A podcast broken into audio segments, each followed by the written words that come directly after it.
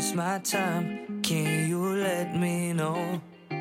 When it's alright, it's the time. When it's time, just let me know. When it's alright, when it's my time, can you let me know? When it's alright, flowers by my side so I can feel appreciated. Give my family a call so I don't feel so isolated. Putting worries in the back, cause all they is is animated. I don't ever wanna think about this shit so devastating. They just wanna make it out of the shitty apartments. I just wanna finish what my family has started. Get me out this city, I can come back when I'm missing it. Get me out this city, I don't really wanna live in it. Take me on a journey like a comeback, have us heartless. I just wanna have a moment away from the darkness. Get me out this city, I can come back when I'm missing it. Get me out this city, I don't really wanna live in it. You let me know when it's alright, when it's my time.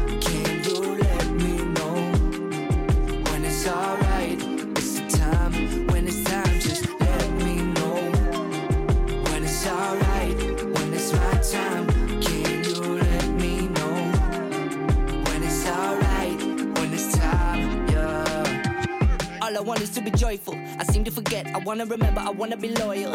Turn my life into end cheers. Turn my life into end cheers to the paper and pen. I keep saying that we're gonna make it, cause I never lie to my friends. Yo, look at me, I got a past.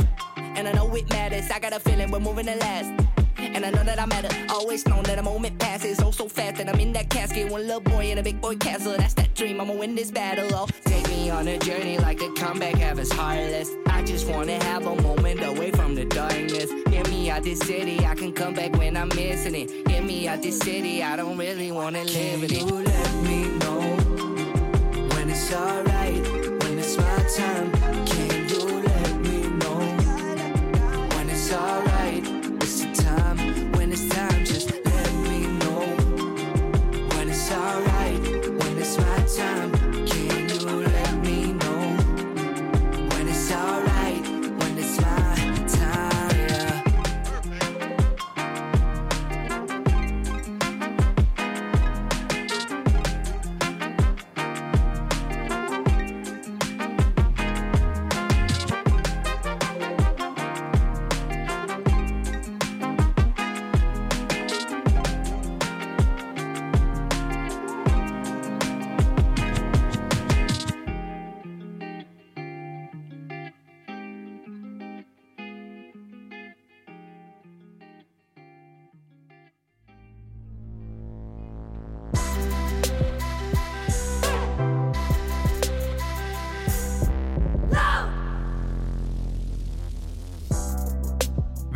Til Frekvens, som er en af Radio Louds musikprogrammer. Mit navn det er Benjamin Clemens, og jeg står her i studiet med Becca Reyes, min medvært. Hej Becca. Hej min ven, godt at se dig.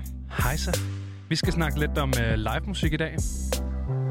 Det kan du tro. Ja, men øh, vi, øh, vi har jo fået at vide af den kære mor Mette Frederiksen, at øh, vi skal jo lidt passe på med stadigvæk dog, selvom man er begyndt at løsne lidt op for, for samfundet, så skal vi passe lidt på, at vi ikke møder stadigvæk lidt for mange mennesker. Det vil sige, at sådan som det ser ud nu, så er der stadigvæk ikke øh, festivaler og øh, de helt store øh, madmarkeder og den, de helt store forsamlinger, men, men det var faktisk ikke så striks, som jeg havde frygtet. Så øh, ja, vi, der er jo kommet det her, øh, den her ændring i retningslinjerne, som er, at øh, man vil begynde at åbne op for, at man kan mødes flere end 10 mennesker, men øh, der er så også kommet en garanti ud med det, øh, på at man at vi ikke vil nå op på forsamling, forsamlinger på over 500 mennesker. Ja. Øh, så det lover vi højt og heldigt selvfølgelig.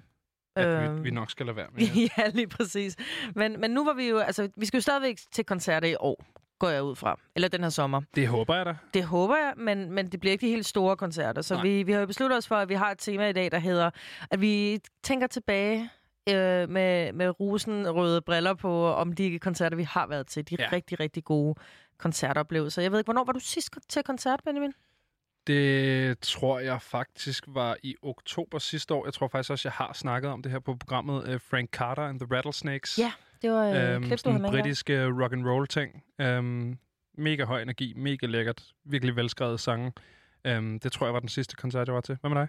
Jeg var i midten af februar, var det, det var en fødselsdagsgave øh, til okay. Min storebror, at vi skulle ind og høre øh, Schoolboy Q og J-Rock i Vega. Lækkert. Det var en uh, gigantisk uh, måde ligesom at slutte den her uh, kon- koncertperiode fra, som jeg ikke vidste ville komme. Men ja. uh, ej, det var en genial koncert. Det var både med bror og brors kæreste og venner, og det var kæmpe fest. Helt stor entourage. Ja, lige præcis.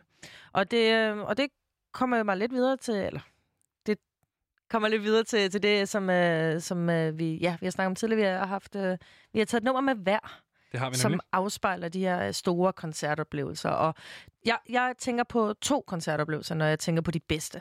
Jeg tænker på Kendrick Lamar i Mercedes-Benz Arena i marts 2018. Det var så særligt for mig. Øh, kæmpe stor Kendrick-fan. Jeg stod et genialt sted. Det, det hele kom bare... Det blev en stor helhed, hvor jeg bare var en del af koncerten, kunne hvert et nummer og bare følte mig så velkommen og glad, og han var så dygtig, og det var så helstøbt en oplevelse. Det vil jeg sige, det er top 1, og så en del førsteplads. Så var det, jeg har lyst til at sige, november 18, Ja. øh, med min mor. Ja. Øh, målrettet hen for at høre en kunstner, som er min yndlingskunstner. Hun hedder Sevdalisa. Hun er hollænder, men har forældre og er født i Iran. Øh, flytning okay. fra Iran. Øhm, og hun, øh, hun laver sådan noget trip-hop. Og til jer derude, der kender trip-hop, ja. så er det jo egentlig øh, den her bølge, som, som opstod slut 80'erne, start 90'erne, og blev populariseret i højeste grad af Massive Attack. Og de er jo... Det er jo så senere hen blevet, blevet tusind ting, men det er jo egentlig primært, at du tager sådan nogle almindelige hiphop-trummer og gør dem langsommere. Og så bruger Og du en masse og skærning. Lige præcis. Og det er jo sådan et univers, som jeg er tosset med. Så forestil dig en Massive Attack, hvis du kender til det, i så en nyere udgave, øh, udgave lavet af en mellemøstisk kvinde, der elsker at bruge samples og laver meget smuk musik. Du kan høre det allerede lidt her i baggrunden. Jeg havde den fornøjelse at se hende i Amsterdam. Stod helt forrest og ventede, Uha. ventede med glæde i to timer på, hun gik på. Altså virkelig en, en fantastisk oplevelse. Så ja, jeg synes egentlig bare, vi skal høre det. Her kommer det nummer, der hedder Voodoo.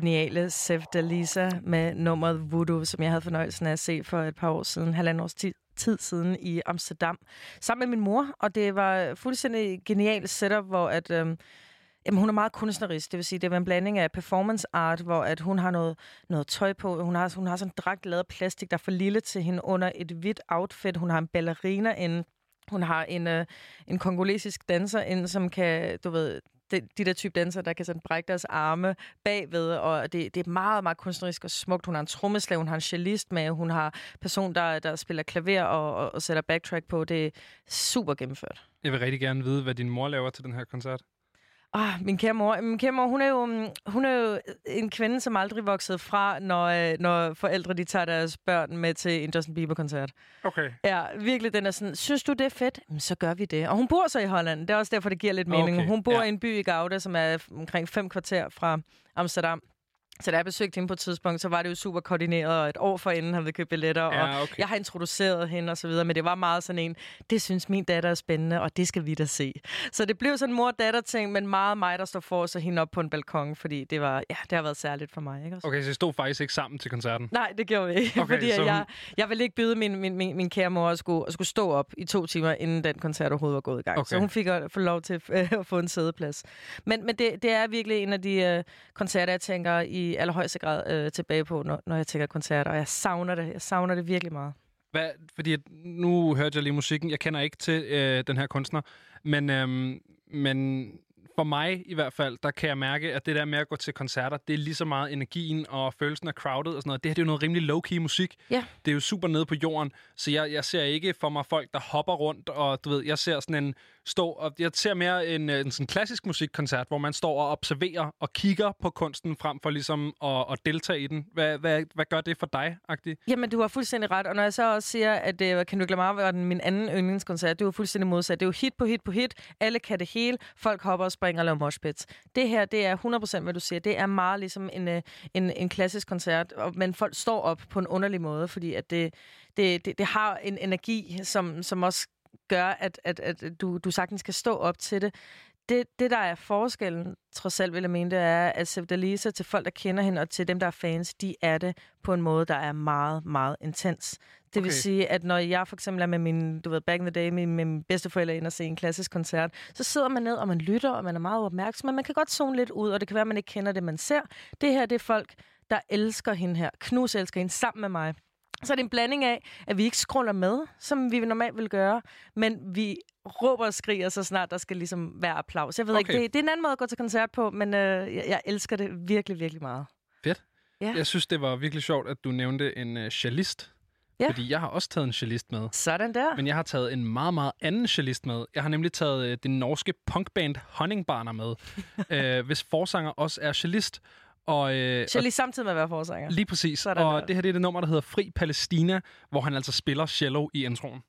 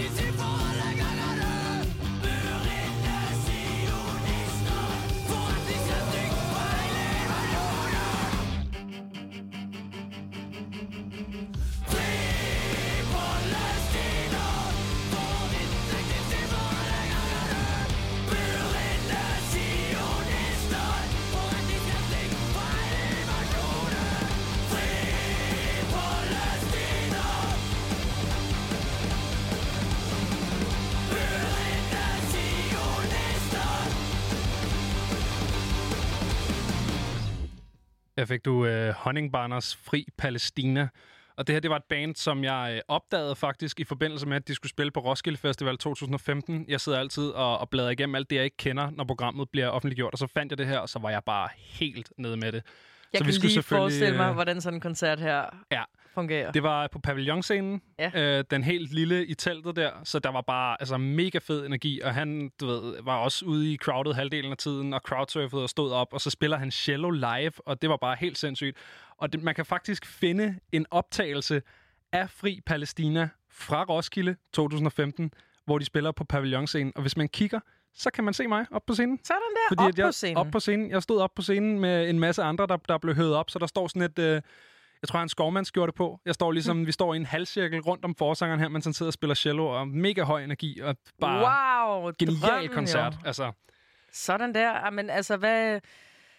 Ja, ja, jeg kan forestille mig, det er jo en helt anden øh, type koncert også. I, Meget anden type koncert. I, I forhold til, til... Er det det, du foretrækker? det er det, jeg foretrækker. Og jeg synes faktisk, noget af det smukke ved Honningbarner, det er, at man er der så lidt for musikken, at at man er der selvfølgelig også for musikken, Klar, selvfølgelig klar. er man det, men der, får, der får, er bare en energi til, til den her type koncerter, som jeg synes er helt speciel, og jeg har så senere set dem live et par gange. Jeg har også set dem inde på en meget lille scene inde i Indre København, der hedder Huset, øhm, hvor at halvdelen af koncerten, der havde han simpelthen ikke sin mikrofon, fordi han, han var ude i moshpittet selv og bare mistede den.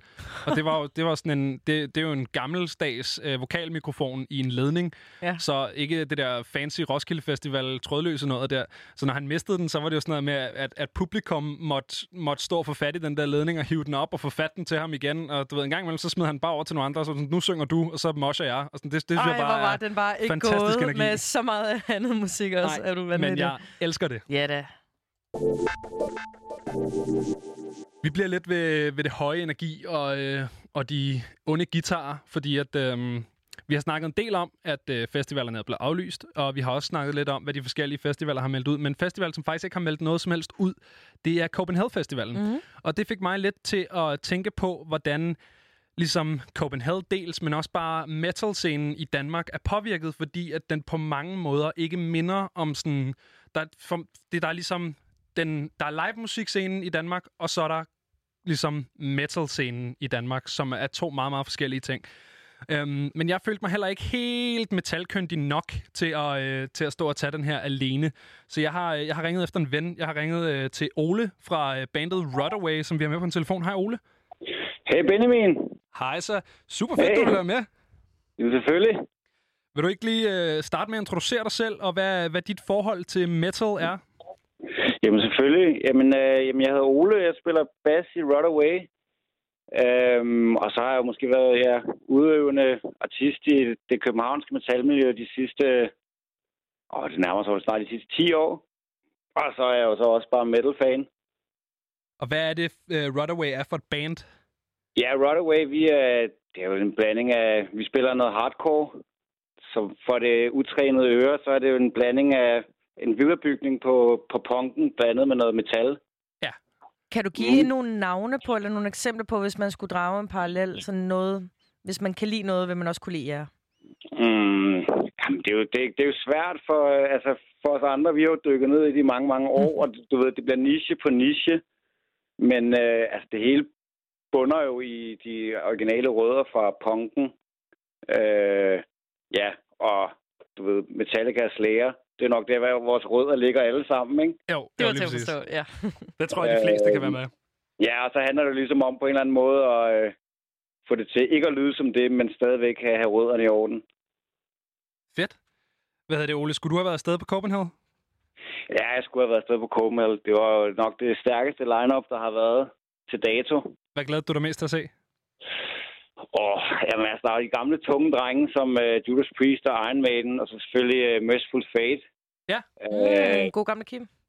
ja, præcis. God gamle Kim, som jo nok har banet vejen for uh, ja, blandt andet Metallica. Um, så ja, det glæder jeg mig virkelig meget til at se. Så uh, har de, der er der også mange af de mindre bands. Um, vi har kammerater, der spiller i bandet her Leipzig, som... Uh, ja, det, det, det havde jeg glædet mig til at se. Så, så hvad betyder den her aflysning for dig? En gang til. Så hvad betyder den her aflysning for dig som, som metalfan? Uh, jamen, det er en kæmpe nedtur. Det må jeg, det må jeg alle indrømme. Det, det er virkelig ærgerligt. Uh, også især for, altså Copenhagen har gjort rigtig meget for den danske metalscene herhjemme. Øhm, så at de så lægger det line-up op, de har gjort i år, det er jo, det er jo bare det er jo så ærgerligt, at det skal aflyses. Jeg kan heller ikke lade være med at tænke, at øh, de, de, mange af de navne, som, som du også lige nævnte, det, det er altså også nogle gamle typer, vi har med at gøre. Altså, hvem, Jamen, ved, hvem ved, om de skal gå... hvem ved, om de går med stok næste år? Ikke? Det er Jamen, også det, det, der... det, altså, 15-årige Ole, han, øh, han, altså, han kunne ikke få armene ned over det her line-up, der var i år. Nå, det er sødt, synes jeg. Ja, altså, fordi det er jo måske ikke det, jeg sætter så meget på længere, men altså, det er jo stadigvæk... Men det det er er fedt. rødderne. Ja, men det er rødderne, ikke? Det skal man se. Det er det.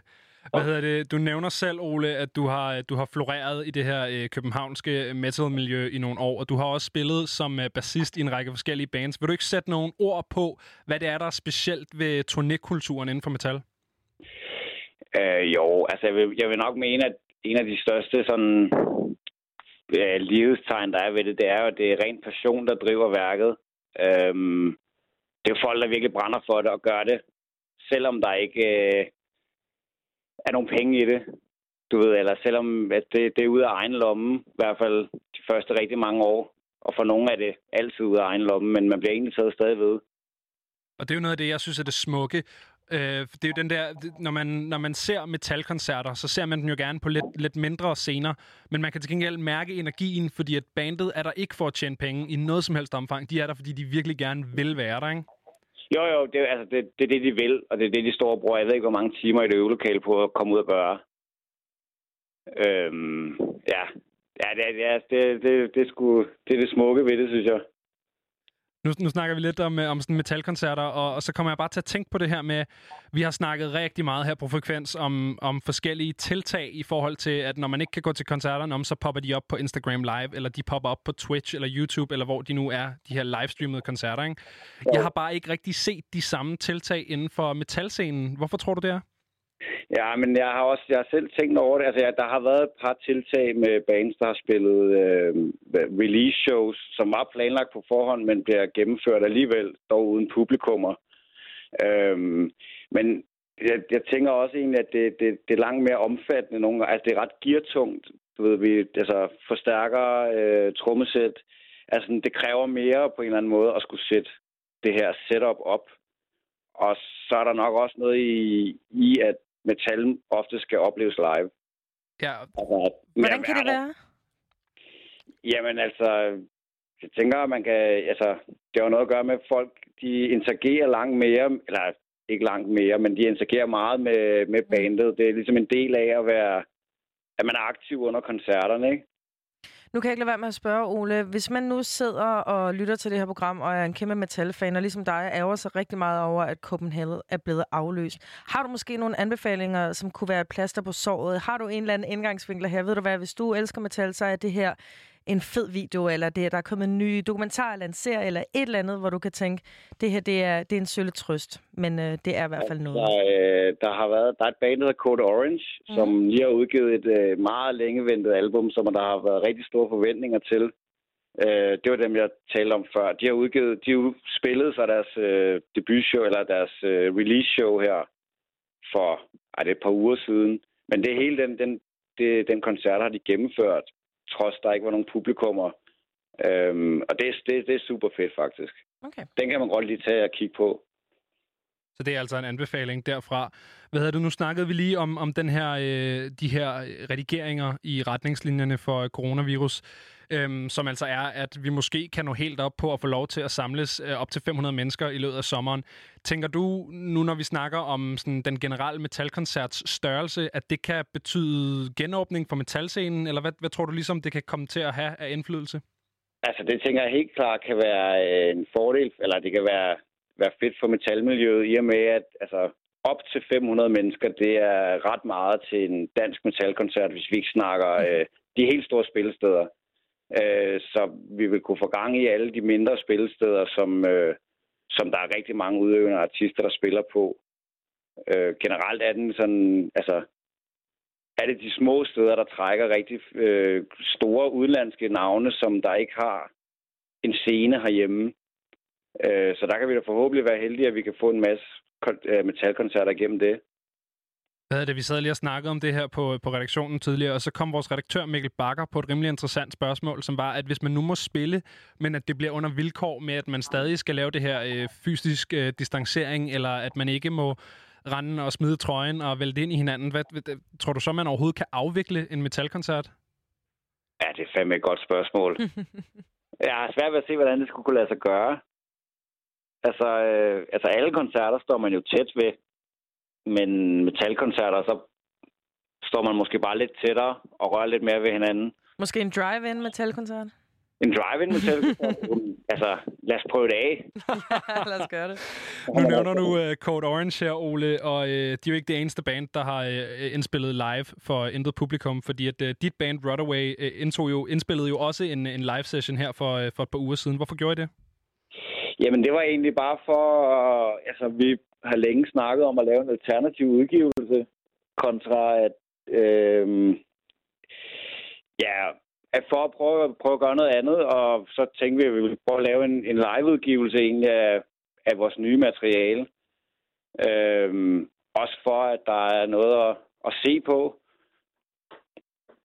Ja, Så det har egentlig været øh, overvejelsen bag det, at prøve at, ja, at arbejde lidt med rammerne og lave en alternativ udgivelse. Jamen fedt. Jeg vil sige uh, tusind tak, fordi du gad at være med, og så, så giver vi lige uh, live-versionen af Timebiter et lyt. Helt sikkert. Fedt.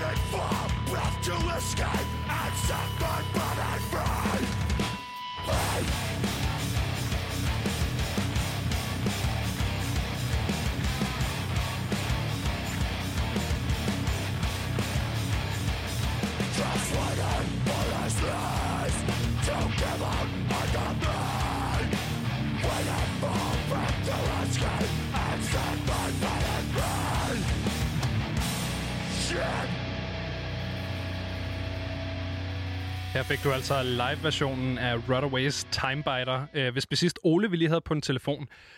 Jeg skal lige sige, at øh, Copenhagen's presseansvarlige Mikkel Mo i dag er blevet citeret for at sige, at der kommer en udmelding fra Copenhagen senere i den her uge. Så hvis du har en Copenhagen-billet, du sidder og undrer dig over, øh, hvad der foregår, så kommer der altså noget til dig i løbet af ugen.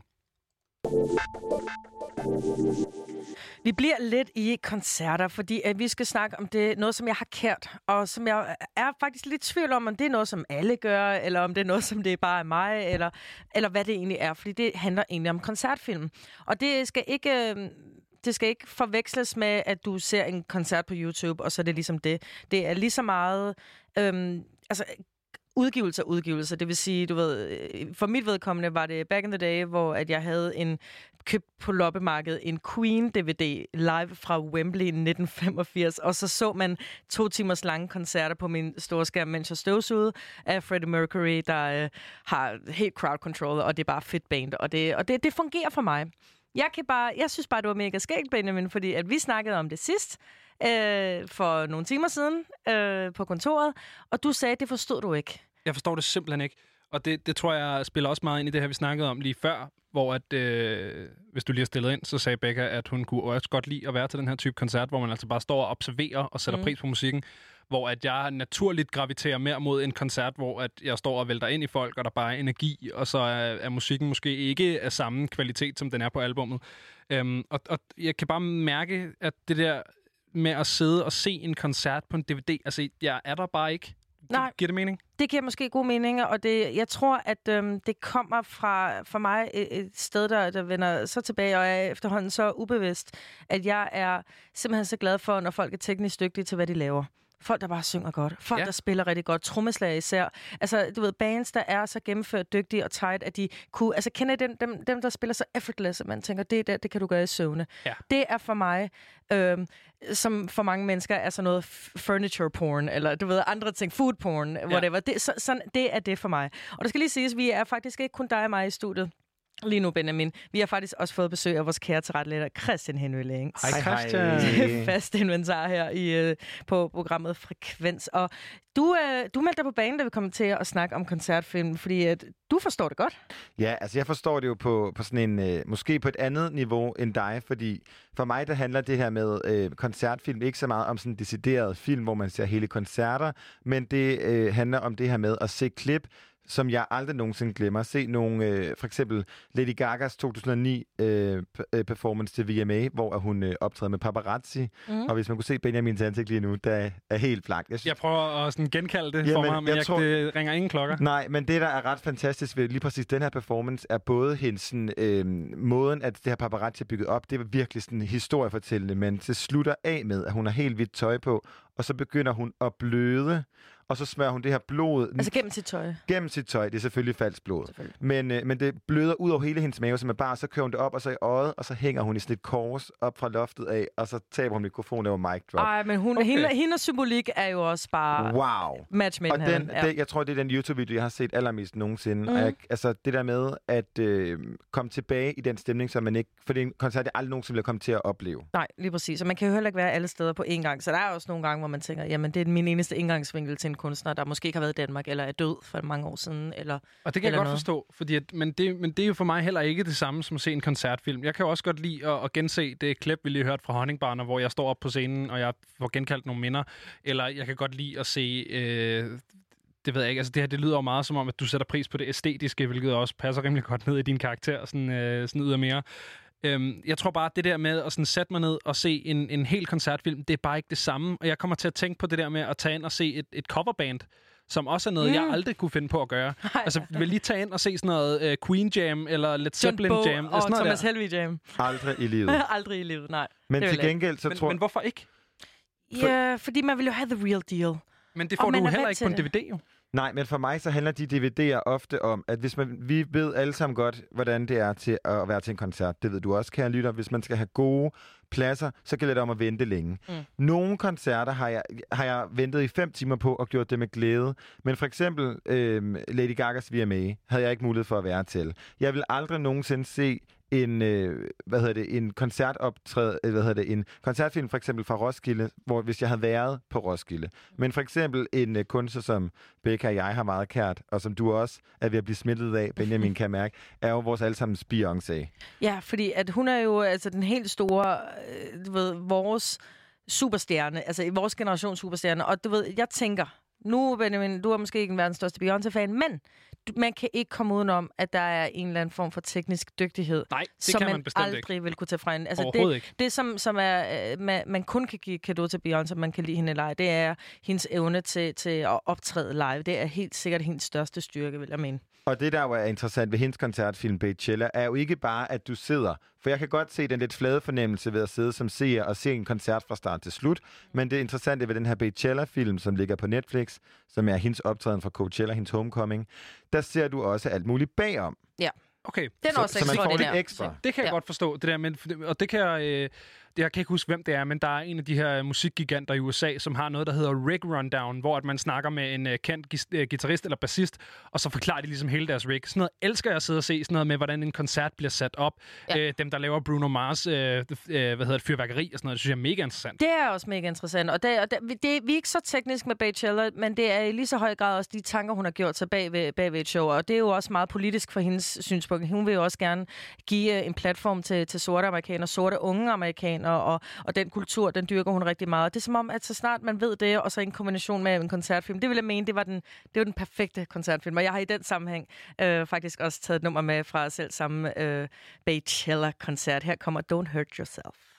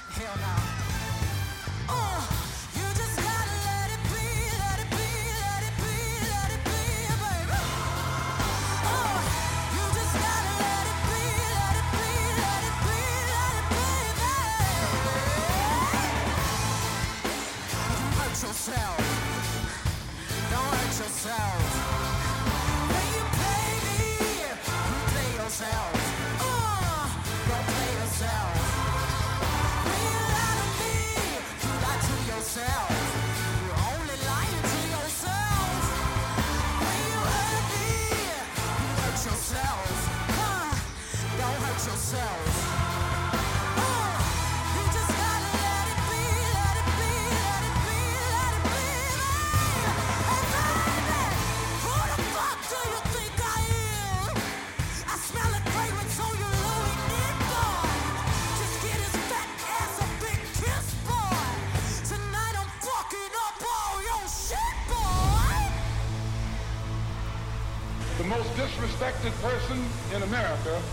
Black woman. I am the dragon, fire. The most unprotected person in America is the black woman. Beautiful man, I'm the lion.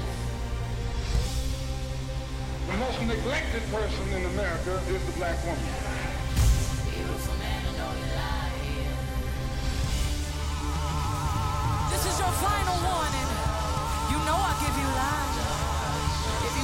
This shit again, you gonna lose your wife.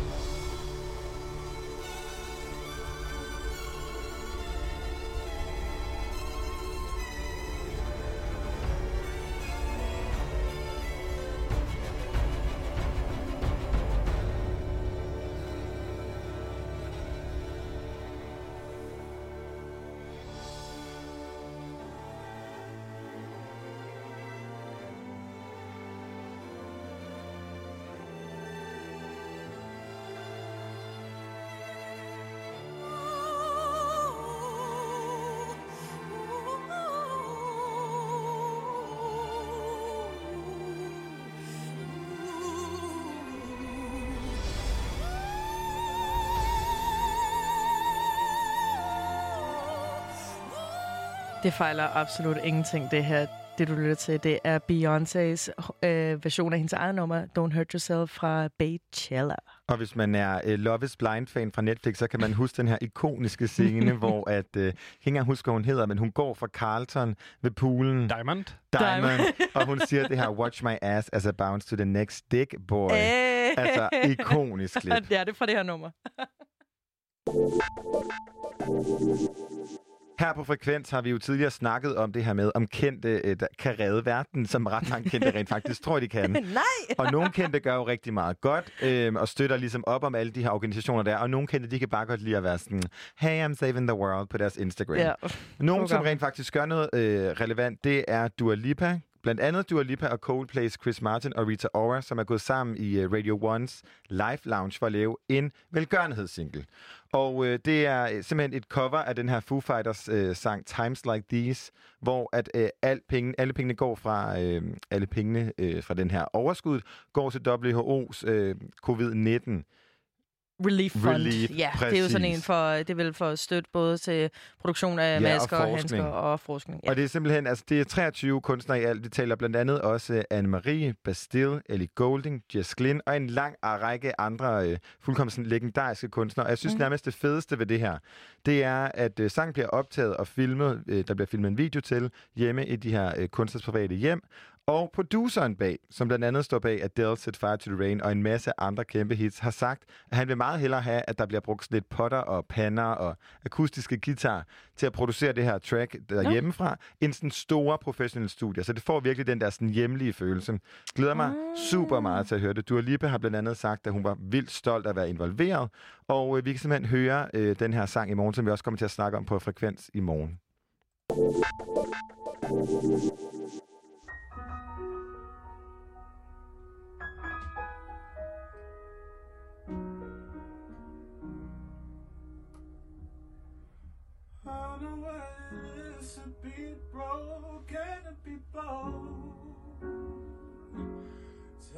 That my silver is gold, but we're much too old for make believe. And I know what it is to be broken, never be held.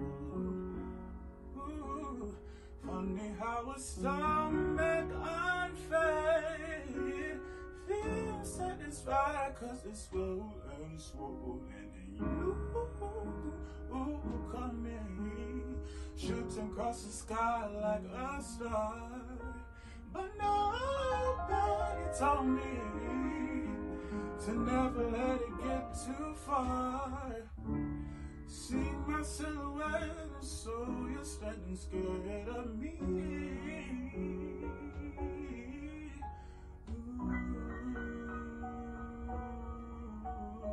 Ooh. Can I tell you a secret?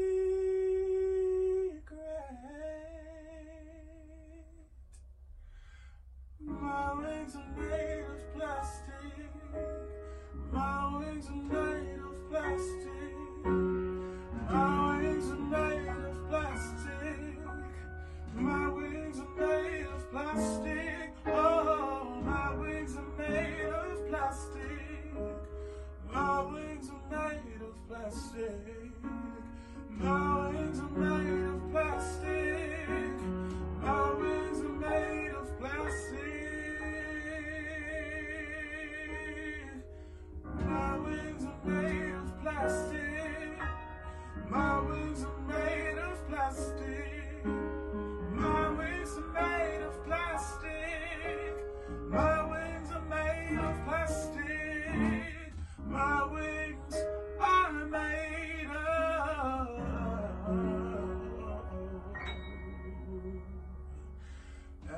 And so am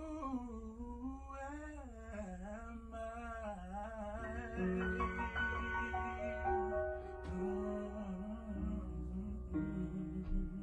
Det, du lytter til her, det er J-Roos øh, live session af det nummer, der hedder Plastic, som er en af, et cover af den amerikanske sanger Moses Somni. Og det var et, som jeg stødte på på øh, Soundvenues Instagram, som jeg bare synes var helt genialt. Og det, det er en af de mange, mange sådan, videoer, jeg har set på sociale medier af kunstnere, som laver covers i deres stuer. Og det, øh, jeg ved ikke, jeg synes bare, det var meget sjovt, at det, det er virkelig blevet en ting. Apropos det, du lige snakkede om det der med, at kunstnere går sammen, og så har vi produktionshold ind til at filme, eller vi har bare nogen til at sætte en, en iPhone op, og så, og så spiller vi covers. At jeg synes bare, det er så skægt, at det, det, det er en ting nu. Ja, og der er jo, den her er måske sådan et, lidt mere en sådan hjemlig produktion af noget, det vi ellers har set, hvor der virkelig har været nogle, ikke at jeg siger, at J. Rooks produktion ikke er professionel, men der er nogle af de her øh, live session, vi har set på Instagram, hvor at lyden virkelig lyder, som om det er optaget et studie. Hvor jeg Undskyld. faktisk synes, at på en eller anden måde, det her, det kan noget andet for mig. Altså, jeg føler mere, at det her, det er sådan en ven, der synger til mig. Ja. Det rører mig mere end nogle af de der, for eksempel i, øh, i går, der snakkede vi om uh, Disney Family Sing-Along, hvor Mhm. mm. de her, sådan, altså Ariana Grandes øh, udgave af et Hercules-nummer er sådan fuldkommen perfekt produceret. Ja, det er mixet og mastereret. det er det distanceret, hele. Ja, ikke? 100 procent. Jeg synes, det er lidt øh, sådan samme lyd, som øh, altså dels i forhold til lydkvaliteten og måden, det er optaget på, men også bare sådan i klang og, og, og, og sådan type. Der synes jeg, det minder meget om de her James Blake-klip, vi også har snakket lidt om, og som vi også har 100%. spillet. Øh, jeg synes sgu, altså, det, det er sådan meget sjovt, hvordan det er blevet sådan lidt lyden af corona. Det der med sådan en lidt følsom fyr, der sidder ved et klaver derhjemme, og det er sådan lidt dårlig iPhone-lyd. Og... Det minder mig om, øhm, når man... Øh, det, ved, det, det, det lyder som om, at vi har ringet Jairu, Ja- Jairu op, og så har han sagt, øh, jamen, jeg kan da godt spille et nummer for jer. Jeg, jeg lægger, sætter jer lige på højtaler, og så stiller ja. jeg min telefon på mit bord, og så, øh, og så begynder han at spille. Og det, det, det er sjovt, fordi det har helt klart en æstetik, og vi kommer også til at snakke om det i, i næste time, hvordan, du ved, der er nogle produktioner, der virkelig, virkelig er gode, og så er der andre produktioner, der bare er, her er den, og så det er en single. Det, det er meget interessant, at øh, Jeg kunne egentlig godt, sådan. for jeg kunne egentlig godt tænke mig at vide ud fra det her, men nu har vi ligesom snakket om, at der er to scenarier. Der er det her meget professionelle setup, og så er der det her meget hjemlige setup. Altså, hvad skal en en Instagram Live gøre? Hvad skal den være, før den rammer jer? Jeg har øh, et rigtig godt eksempel på en af de her øh, koncerter, som rent faktisk ramte mig. Det er Neil Young, som det var ligesom ikke... Der, der er rigtig mange, der tager den her meget kollaborative vej, hvor det er sådan, om skriv til mig, og så kan det være, vi kan finde ud af, at jeg kan spille et cover. Og Neil Young, det var sådan, shut up and listen. Mm. Og det var, det var ligesom ham, der blev filmet af en anden. Det var meget tydeligt. Det var på et lidt bedre kamera, og så var det ham, der stod ude i sin have et eller andet sted i Minnesota, og det sneede, og han stod udenfor i en stor jakke og spillede guitar og, øh, og, og spillede mundharmonika, og var meget Neil Young-agtig med udsigt over nogle klipper, og der var sne og sådan noget. Det synes jeg var fantastisk. Det lyder fantastisk. Fordi der stod det mere som en en musikvideo eller et stykke for sig selv stående kunst, end det ligesom gjorde som sådan et Instagram-gimmick, sådan en, Nå, men vi kan ikke komme til koncerter her, den her sådan lappeløsning, ikke? Ja, jeg tror, at øh, hvis jeg skulle øh, sådan, vælge en... Øh, øh, altså, virkelig kunne placere en kunstner, og så skulle øh, de gøre lige præcis, som jeg havde lyst til, så tror jeg, jeg vil, jeg vil hive sådan en som, måske som Trantemøller, en Apex Twin, ind, og så vil jeg bare se deres studier, som simpelthen sikkert er fyldt med utallige synthesizer, trommesæt, kontrabas, øh, computer, der er... Altså alle du ved, alle maskiner, der kan lave alle lyde i verden, og så vil jeg se dem lave noget fra bunden af. Hvis jeg, hvis jeg selv skulle vælge, det tror jeg kunne være mega sejt. På, sådan et, øh, på et personligt plan, så er det helt sikkert mere øh, sådan en tilgang, som Charlie XCX har taget, den her britiske kunstner, hvor hun har inviteret os lyttere ind og været med til at skabe hendes nye album. Ja. Ja. Det virkelig har været fedt. Helt sikkert. Og, men jeg tænker lige nu, vi vil snakke om Joy, J-Ru og hans uh, live session. Kunne vi lige så godt høre en af dem, hvor han har fået dem indspillet rent faktisk i et studie. Her kommer nummeret Couldn't Be. Friends make up some shit about us. Put pressure on us like it matters. I'm not the type to be so tied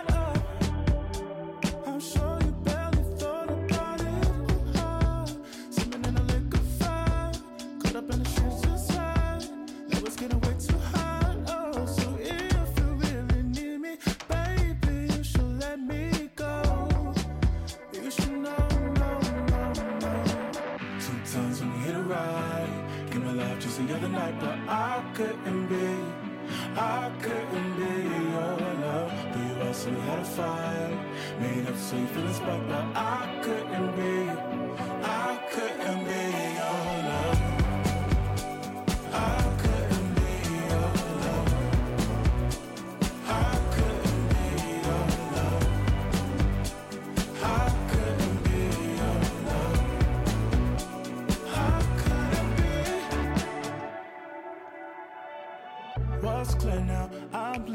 Just give me space now.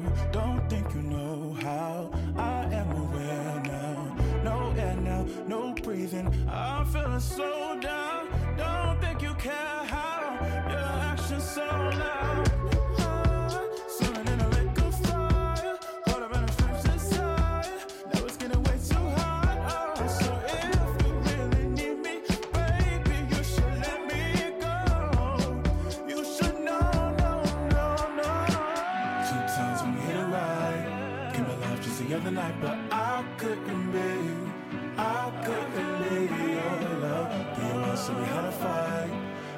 Made up so you feel spite, but I couldn't be.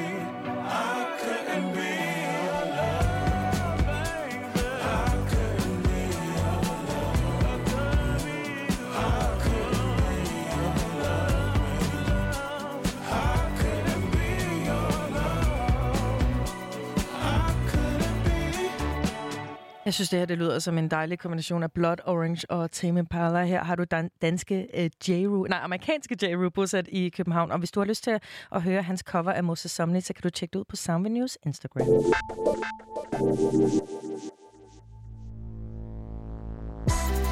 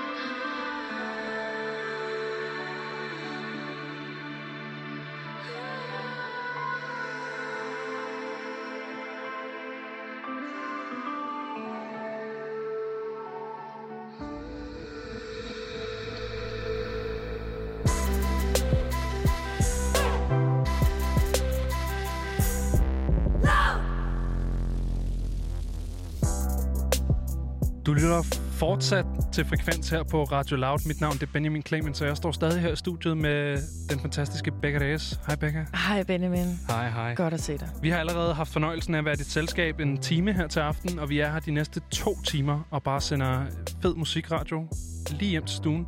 Ja. Så øhm, det synes jeg bare er mægtigt. Det er en særlig dag i dag, Benjamin. Det er en særlig dag i dag, og det var faktisk også derfor, vi lige hørte Grimes So Heavy, I Feel I Fall Through the Earth.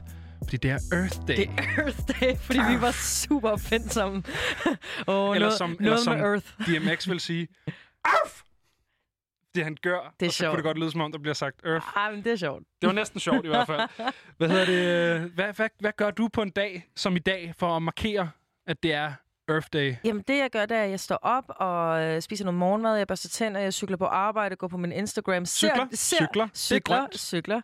Øh, og du ved, kigger på min Instagram og ser det er Earth Day. Og så kigger jeg på min kollega Benjamin Clemens og var sådan, hey, det er Earth Day.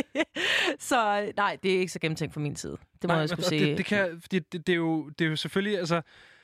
Det er jo meget der, den er, ikke? Det er sådan en ting, man opdager på Facebook. og jeg føler, synes, det er meget amerikansk også på mange... Det er meget parametre. amerikansk. Men Ja. jeg synes så også, at du ved, så er der sådan noget International Pancake and Waffles Day. Ja, og så alle, sådan, alle du dage en dag. Men Jo. måske så skal Earth Day lige hive sig ud af den der Ja. kategori, hvor den ligger lige nu med International Pancakes Day, og så øh, Ja. måske lige op på, på siden af, af Mors Dag og Fars Dag. For jeg tænker, det er noget, vi skal tage en, en lille smule mere seriøst, end, end for eksempel pandekager. Lige præcis, men, men det, der undrer mig over, at Earth Day var i dag, det er, at jeg forbinder ikke sådan noget som Earth-parader eller, eller de her store initiativer om øh, at, ja, at bekæmpe øh, klimaforandringerne. Dem, dem forbinder jeg ikke med en særlig dag i april.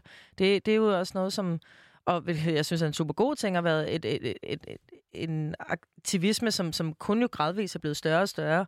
Så det, det, det, er jo, det er meget sjovt, at man egentlig har en dag til det, når det bare burde et eller andet sted på være på agendaen hele tiden. Ja. Uden, at, uden at lyde for farvet selvfølgelig, men synes jeg i allerhøjeste Det grad. er helt fair, synes jeg. Vi skal, vi skal høre noget musik, og vi skal snakke om noget musik. Vi skal snakke rigtig meget om, øh, om live musik, men først så får du lige endnu en Earth Day banger. Vi skal nemlig høre Raske Penges rundt. Det er klumpen med raske penge. 2011-produktion. Lyt! Hele verden drejer rundt. Og ja, den drejer sig ikke kun om dig. Åh oh, nej. Hele verden drejer rundt, kun om dig. Hele verden drejer rundt, og den drejer altid den samme vej. Hele verden drejer rundt, og den drejer sig ikke kun om dig. Alt hvad du sender ud kommer tilbage ind igen. Det hævner sig det man gør rundt om i verden. Spytter du mod skyen får du selv regnen. Alt hvad du smider ud kommer med dig hjem. Gammeldags ting kommer tilbage på mod igen. Mennesker bliver til jord, lort bliver til gøding Planter bliver til foder, bliver til kød, bliver til penge. De siger det drejer hjulene i et kæmpe stort system. Men jeg tror det er et heldigt princip At det skal snurre rundt når du stiver Snurre rundt når du på trip. Verden drejer men du mærker det ikke At den må dreje sig om noget man ikke kan regne ud med matematik. Hele verden drejer rundt. Og ja, den drejer sig ikke kun om dig. Åh oh, nej. Hele verden drejer rundt Og den drejer sig ikke kun om dig. Oh, nej. Hele verden drejer rundt Og den drejer altid den samme vej. Hele verden drejer rundt Og den drejer sig ikke kun om dig. Tidligt op og gå tidligt i seng. Den drejer lidt rundt om solen og drejer rundt om sig selv. Rundt om alle de gamle mennesker og de kriminelle Men det den drejer sig mest om, det er at skabe kunstig frygt. Mennesker vil gøre alt for at få lov at sove trygt. Normalisering, overvågning, ja, hvor langt ved de gå? Privatisering, assimilering, snak og verden helt i stå. For verden kan ikke dreje, hvis du ikke må være dig selv. Gå rundt og være en anden, nej, det holder ikke helt vel. Så lev et godt liv og hold på dem, du holder af. Og lev hver dag i dit liv, som var det den sidste dag For verden drejer rundt. Og ja, den drejer sig ikke kun om dig. Oh, nej. Hele verden drejer rundt Og den drejer sig ikke kun om dig. Hele verden drejer rundt Og den drejer altid den samme vej. Hele verden drejer rundt Og den drejer sig ikke kun om dig Men hvad er det så, den drejer sig om? Hvis det ikke skulle være mig Hvem er der inde i kernen? Hvad er det, der kigger ud inden fra centrum?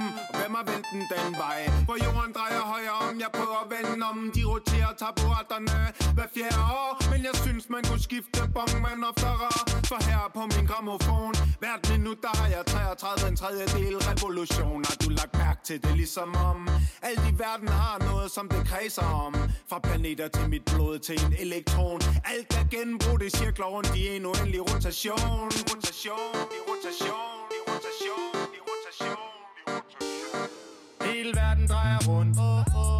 Og ja, den drejer sig ikke kun om dig. Oh nej. Hele verden drejer rundt Og den drejer sig ikke kun om dig. Hele verden drejer rundt. Og den drejer altid den samme vej.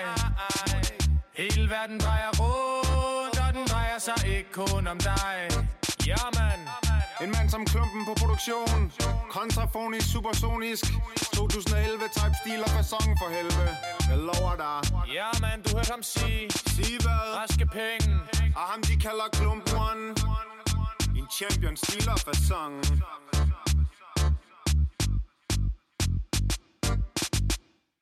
Glædelig Earth Day fra Frekvens. Husk at tage dig kloden, og her fik du Raske Penges rundt featuring Klumpen.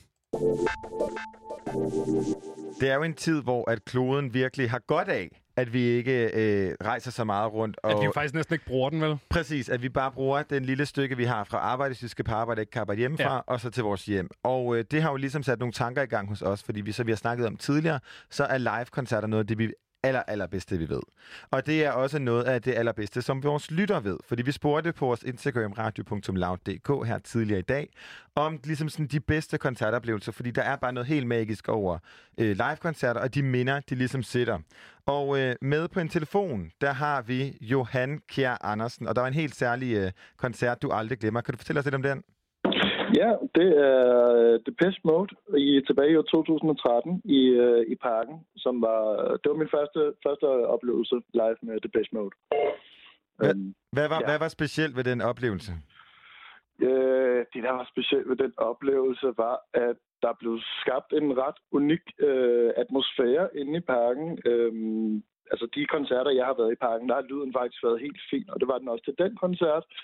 Og så var det en, øh, det var en sommerkoncert, det var midt i, i juni måned, men alligevel så formåede de, fordi der var, der var overdækket i parken til den koncert. Så der var fuldstændig mørkt til den koncert med Depeche Mode. Øhm, og så var det et meget minimalistisk udtryk med en sort scene og nogle store skærme, og så, øh, så var der bare sådan en helt natklubstemning inde i parken. Øhm, Åh, oh, sejt. Sejt. det, var, det var ret unikt Og det er- i hvert fald. Og det er parken i København, vi snakker om. Og øh, Øh, når, ja. som, øh, som festivalgænger, så er der jo ret sådan... Øh, jeg er personligt den type, som venter øh, lang tid på at kunne stå aller forrest og være sådan op og tæt og mærke folk. Hvor står du hen, når du er til en koncert? Øh, jeg er aldrig bagerst. Okay. Øh, lad mig sige det sådan. Øh, jeg er heller ikke helt forrest, nok i midten. Men øh, ja, det er bestemt noget, jeg tænker over øh, til koncerter, hvor Så- jeg skal stå. Så du stod i midten til Depeche Mode? Ja, det passer nok meget godt. Ja. Jeg kan Ja. godt lidt have det sådan lidt, Johan, en gang imellem, når jeg er til de der rigtig store koncerter, hvis det er Orange Scene på Roskilde, eller hvis det er Parken, eller Royal Arena, eller what have you, at, at det bliver lidt mindre personligt, at det bliver... Øh, at man ligesom ikke føler, at man kommer lige så tæt på, som man vil måske vil på en, øh, en mindre scene. Hvad er det, der gør for dig, at, at uh, din bedste koncertoplevelse er på sådan en stor scene?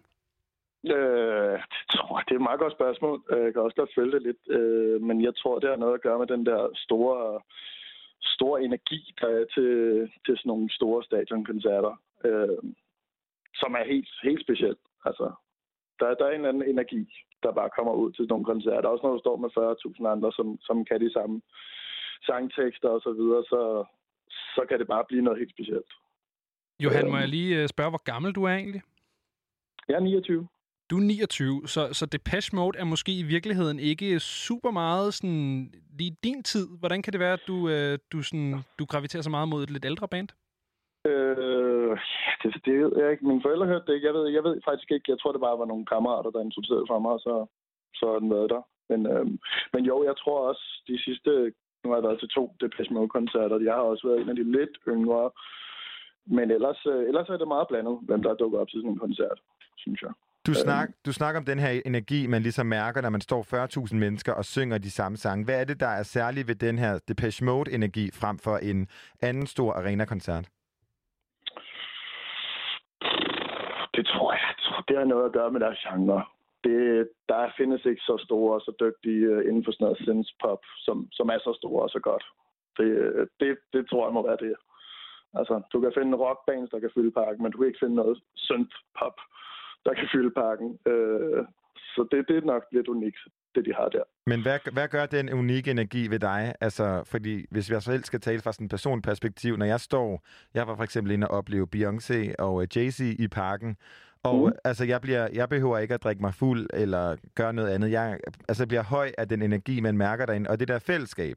Er det ja. lidt det samme, du mærker i en Depeche Mode, eller hvad er det, der gør? Altså, hvordan påvirker den her koncert der? Det er jo trods alt syv år siden, øh, hvor man kan sige, der er jo, der er jo sket ret, der sker mange ting på syv år, især når man er i, i 20'erne. Men den følger med dig. Hvad er det, der er særligt ved det, som følger med dig? Sgu ikke. Ja, ja. Det men, altså, man kan få gåsehud ved lige at gå ind på YouTube og, og finde nogle klip fra koncerten, hvor man lige genoplever nogle af de der gamle ja, gåsehudsøjeblikke øh, fra de bedste sange og så videre. Jeg ved ikke, jeg ved ikke hvordan jeg lige skal beskrive det. Øh, Men du, for, der, du har fortalt Ja. mig, at dit, øh, det nummer fra koncerten, som er aller, aller bedst, øh, sidder bedst med dig, det er Never Let Me Down Again. Hvad, øh, hvad, hvad er der særligt ved det nummer? Jamen, øh, så når du så langt i koncerten, at øh, Dave Gann, forsangeren, han smider mere og mere tøjet, og de står i bare mave, og så, så skal alle simpelthen tage hænderne op øh, fra side til side. Og ja. det ser for sindssygt ud i parken. Øh, og så er det jo bare en, en verdensklasse sang. Så ja, Den, ja, det er den, helt specielt. den kommer her, Depeche Mode, Never Let Me Down igen. Tusind tak, fordi du var med. Jo, så tak. Hej.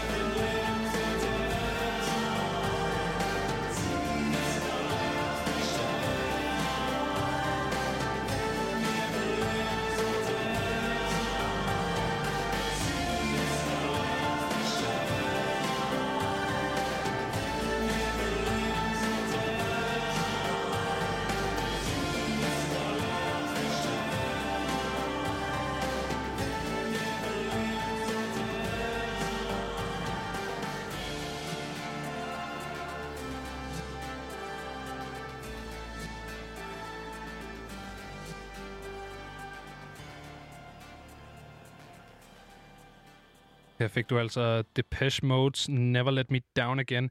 Den fik du, fordi vi havde øh, Johan Andersen på en telefon. Johan han havde skrevet til os på vores Instagram radio.loud.dk, og det kan du også gå ind og gøre. Der ligger en story, og der kan man simpelthen gå ind og øh, beskrive sin øh, bedste koncertoplevelse. Det kommer vi til at vende tilbage til, når vi sender frekvens i morgen, hvor vi altså kommer til at tage fat i nogle af de her lytterønsker. Det var på Instagram, på øh, radio.loud.dk eller på frekvens at radioloud.dk, hvis man gerne vil skrive en mail. Vi skal til noget lidt andet, fordi vi havde jo øh, Asker øh, fra øh, Radio Louds gamingprogram Gameboys inden i går og hjælpe os med at forstå øh, Fortnite en lille smule, da vi snakkede om Travis Scott-koncerter og Marshmallow-koncerter inde i Fortnite. Gameboys har også snakket en lille smule om musik i deres program, hvor de altså snakker om, hvordan musik og videospil spiller sammen, og det skal du høre en lille lydbid fra her. Du lytter til Gameboys. Nu skal vi til at snakke om musik, fordi musik er mega vigtigt i spil, fordi det sætter en atmosfære for, hvad du skal til at spille, eller hvad du er i gang med at spille. Og nogle spil har ligefrem en ikonisk musik, der gør, at når du hører det, så ved du straks, hvilket videospil det er. Og der er jo nogle meget legendariske sådan, hvad kan man sige, musiknumre derude, som bare vækker den der følelse af sådan, okay, det er det, vi snakker om. Og jeg føler lidt, at vi faktisk har hørt mm. noget af det i dag. Vi talte jo om uh, Tetris 99, og altså, hvis du hører den musik, så er du ikke i tvivl om, åh, oh, det er Tetris. Mm. Fordi det er simpelthen så genkendeligt. Men det her segment er jo også bygget meget til at kigge på nogle af de nyere titler, fordi mange nyere titler bruger rigtig meget musik, som er komponeret til at sætte den her sådan stemning og for ligesom at vise, hvad deres personlighed er. Og der vil jeg så sige, jeg synes bare, at vi skal gå direkte ind i det allerførste, og øh, lad os bare, øh, uden at sige, hvad det er, spillet handler om, så synes jeg, vi skal høre musiknummeret her.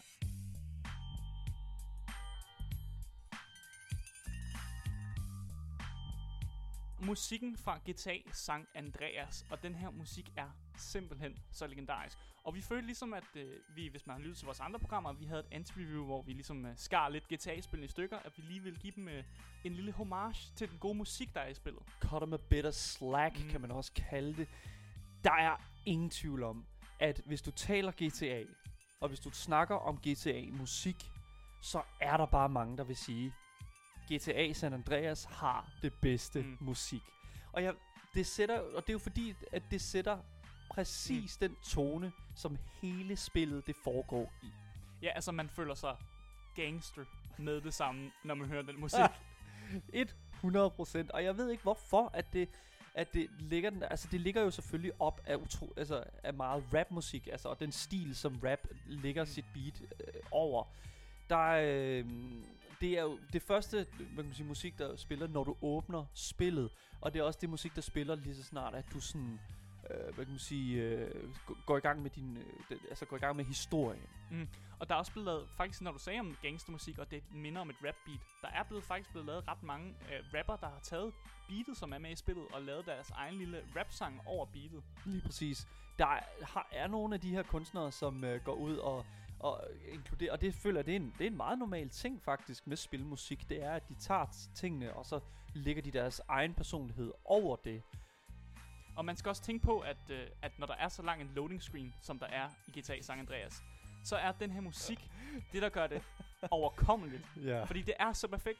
Man, man sidder og kigger på den loading screen, og der er altid de her billeder af, af, af sådan personer, som er rigtig godt tegnet. Det ser godt ud visuelt, og så hører man den her musik. Og lang loading screen, men man læner sig lige tilbage og lidt sådan, yeah. Udtrykket er meget lige, hvad Mm. du ser. Og det er det, som jeg synes, der også er meget, der... der altså fordi at, at jeg synes, San Andreas har en så ren stilart. Du er ikke i tvivl om, altså, at, at, at vi spiller en, en held, ham her CJ her. Mm.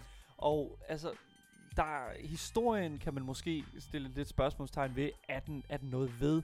Men altså, når alt kommer til alt, så har du jo også bare voice acting i spillet, som er altså altså fænomenalt. Og jeg synes lige, vi skal høre et øh, super godt øh, stykke af noget af det voice acting, som er med i San Andreas. Det kommer her. I'll have two number nines, a number nine large, a number six with extra dip, a number seven, two number 45s, one with cheese, and a large soda det er jo selvfølgelig bare en, en, en altså meme, som er kommet ud af det her spil her. Men det viser også rigtig meget, at de, altså Rockstar, som Mm. der har lavet øh, GTA, simpelthen har, har øh, godt kan se det sjove i at lave nogle lidt øh, skæve portrætteringer. Mm. Altså, Big Smoke kan virkelig lave en bestilling. det skal jeg love for. Vi bliver altså i Grand Theft Auto-verdenen. Vi skal nemlig snakke om GTA 4 Liberty City.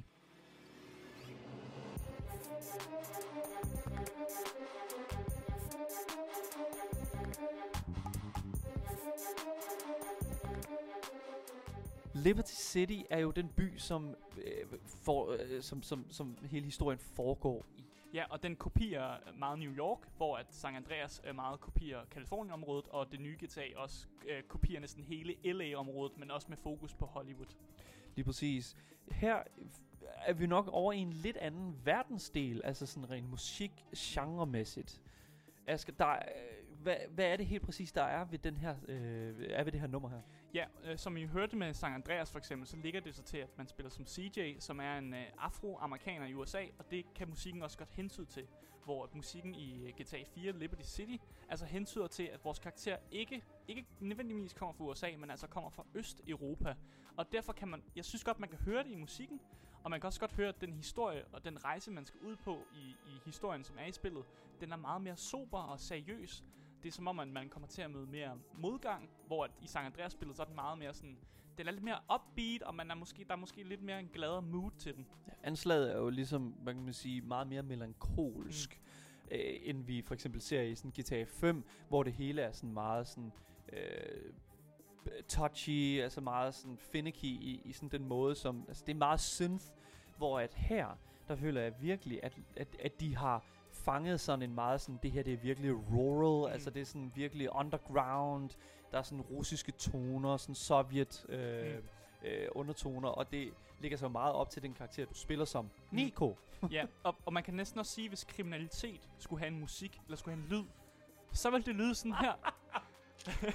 Kriminalitetens officielle Ja. temamelodi. Ja.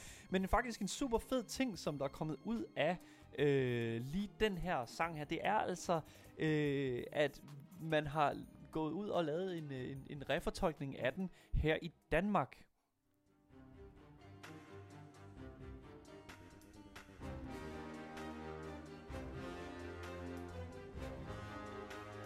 DR's koncertorkester, der spillede The Soviet Connection, som er den sang, man hører i Liberty City.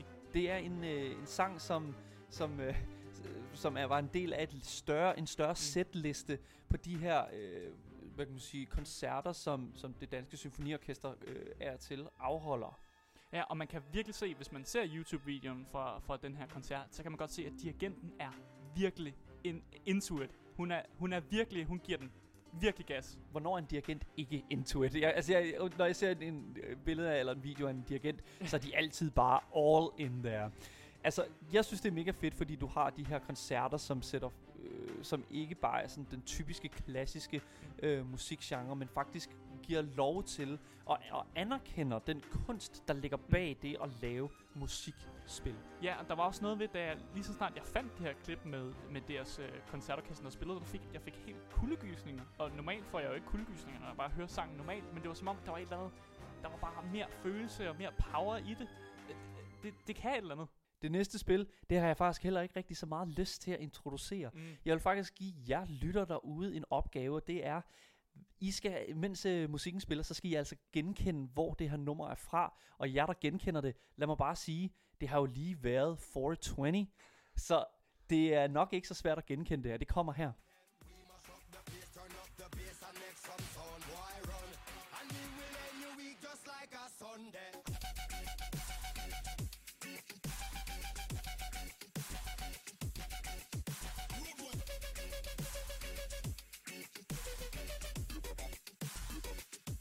Hvis I var skarpe, så kunne I høre, at det altså var fra Far Cry 3-spillet. Mm. Det her nummer her, det er et af de mest episke musiknumre til nok en af de mest episke øh, sådan, altså, tidspunkter i et videospil.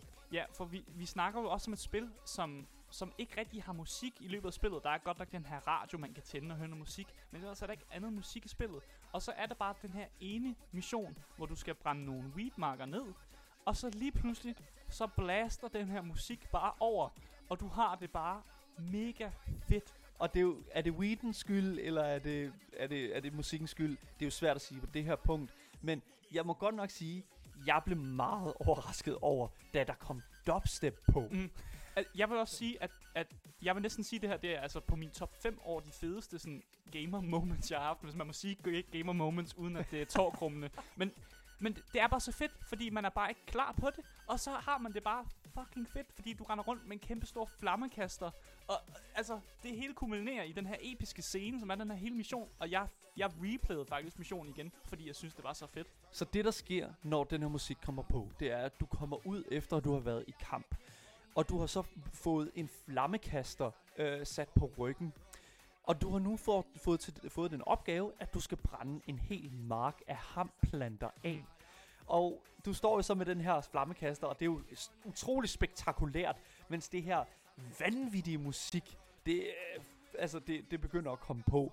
Og det er, som, det er musik, som gør, at det sætter fuldstændig spilleren i det rigtige mindset for, hvad der er, der sker. Fordi det er jo, dubstep er jo meget sådan destruktivt. Sådan, du har de her sådan virkelig hårde toner, og virkelig sådan øh, skarpe, sådan, øh, øh, skarpe cuts i, hvordan det, er sådan dynamikken. Mm. Og så har man også de her vokaler, som er meget jamaikansk. Og, og nu er det jo, jeg vil helst ikke lyde helt forkert, men, men jamaikansk bliver ofte lidt forbundet til, til lidt sådan weed smokers. Ja, lige præcis. Altså du har, øh, du har en, en, en musikgenre her, som collaborater sammen med en, en meget elektronisk musikgenre. Mm.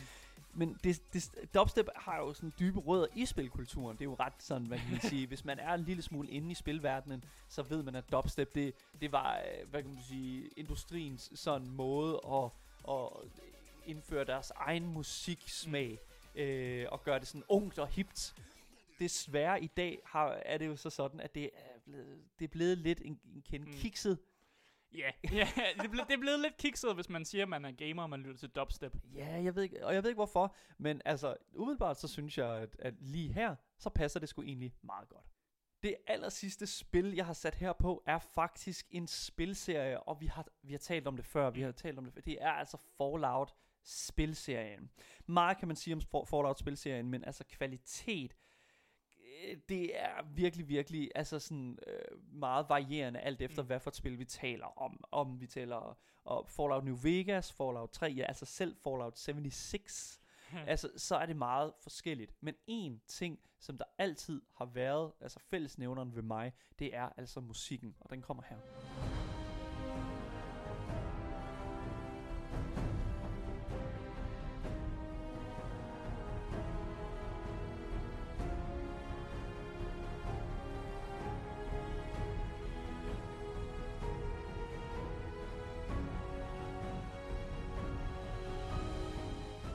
Aldrig i tvivl, når du hører et Bethesda-produceret musiknummer. Og jeg ved ikke hvorfor, men det er de her trommer, som karakteriserer det for mig. Det, lige med Fallout, der er det jo den der sådan meget sådan de, de, de åbne vider, det der kæmpe store wasteland, som du sådan næsten kan se foran dig, ikke? Og jeg sagde det også lidt i starten her, at det uanset om du spiller New Vegas, det uanset om du spiller 3'eren eller Fallout 76, musikken har altid haft personligheden i orden, og for mig er det det, der redder rigtig mange af de her spils øh, titler, som måske har haltet lidt på narrativet, eller på gunplayet, eller sådan den slags. Ja, for det, man skal også helst have en følelse af, at man er i et, altså, en destroyed civilization, men at folk stadig prøver at klare den så godt de kan, trods omstændighederne i den her verden. Men det, som jeg føler, som, som kar- karakteriserer Fallout også, er også deres brug af mm. musik fra den virkelige verden. De bruger altså musik, øh, som har rødder i hvad kan man sige, den tid, som de gerne vil ligesom datere Mm. øh, Fallout-universet til. Historien er jo, at et sted omkring, øh, ja, i deres egen tidsregning, øh, er de, øh, hvad kan man sige, er samfundet øh, noget, der ligner øh, 50'erne, Mm. mm. 1950'erne. Og øh, i den tid var der jo meget den snak omkring sådan den, altså, øh, atomkrig. Mm. Og det er jo det, som Fallouts præmisse er, at der har været en atomkrig, og så kommer du ud fra de her sådan bunker, og så skal du ellers bare overleve i det her øh, vildnis. Øhm, men det, som jeg synes, der er super fedt, det er, at der findes en radiokanal i det her spil. Og det er altså øh, vanvittigt fedt, og vi skal altså lige høre øh, et nummer, øh, som de har taget fra den virkelige verden og puttet ind i deres tidsregning. It's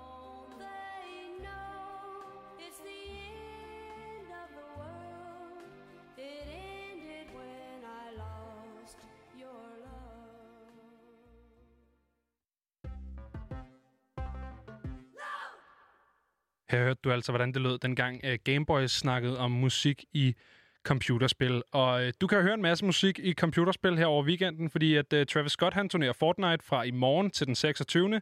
Og 100 Gex holder Minecraft Festival i weekenden, hvor du kan høre blandt andet Charlie XCX. Det kan også ses på YouTube.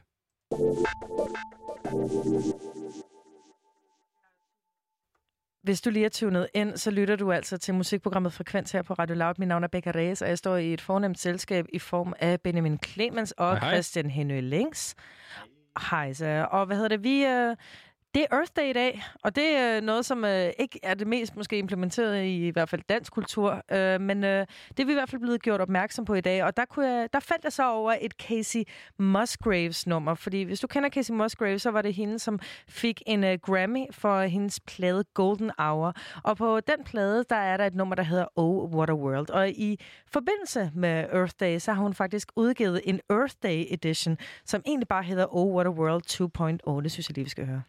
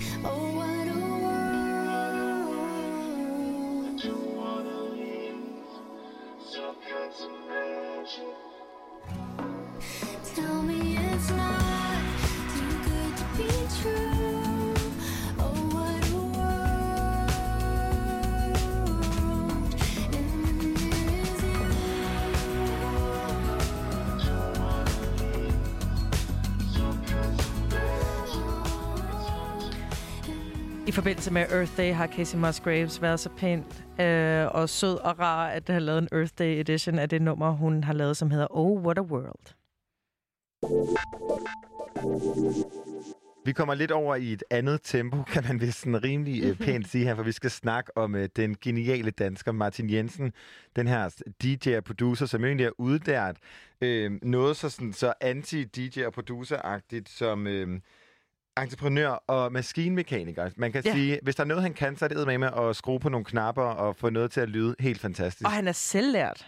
Selvlært, det er Det virkelig, man virkelig sejt. Og han Ja. var jo øh, den her femte dansker til at være øh, at optræde inde på parken, dog uden nogle af de 38.000 mennesker, der kan være der. Han DJ'ede nemlig helt alene Den skal jeg lige have igen. Den femte dansker til at spille i, i parken. parken. Og jeg synes også, det lyder helt vildt. Det lyder men, grotesk. men det er altså rigtigt. Det, den er god nok.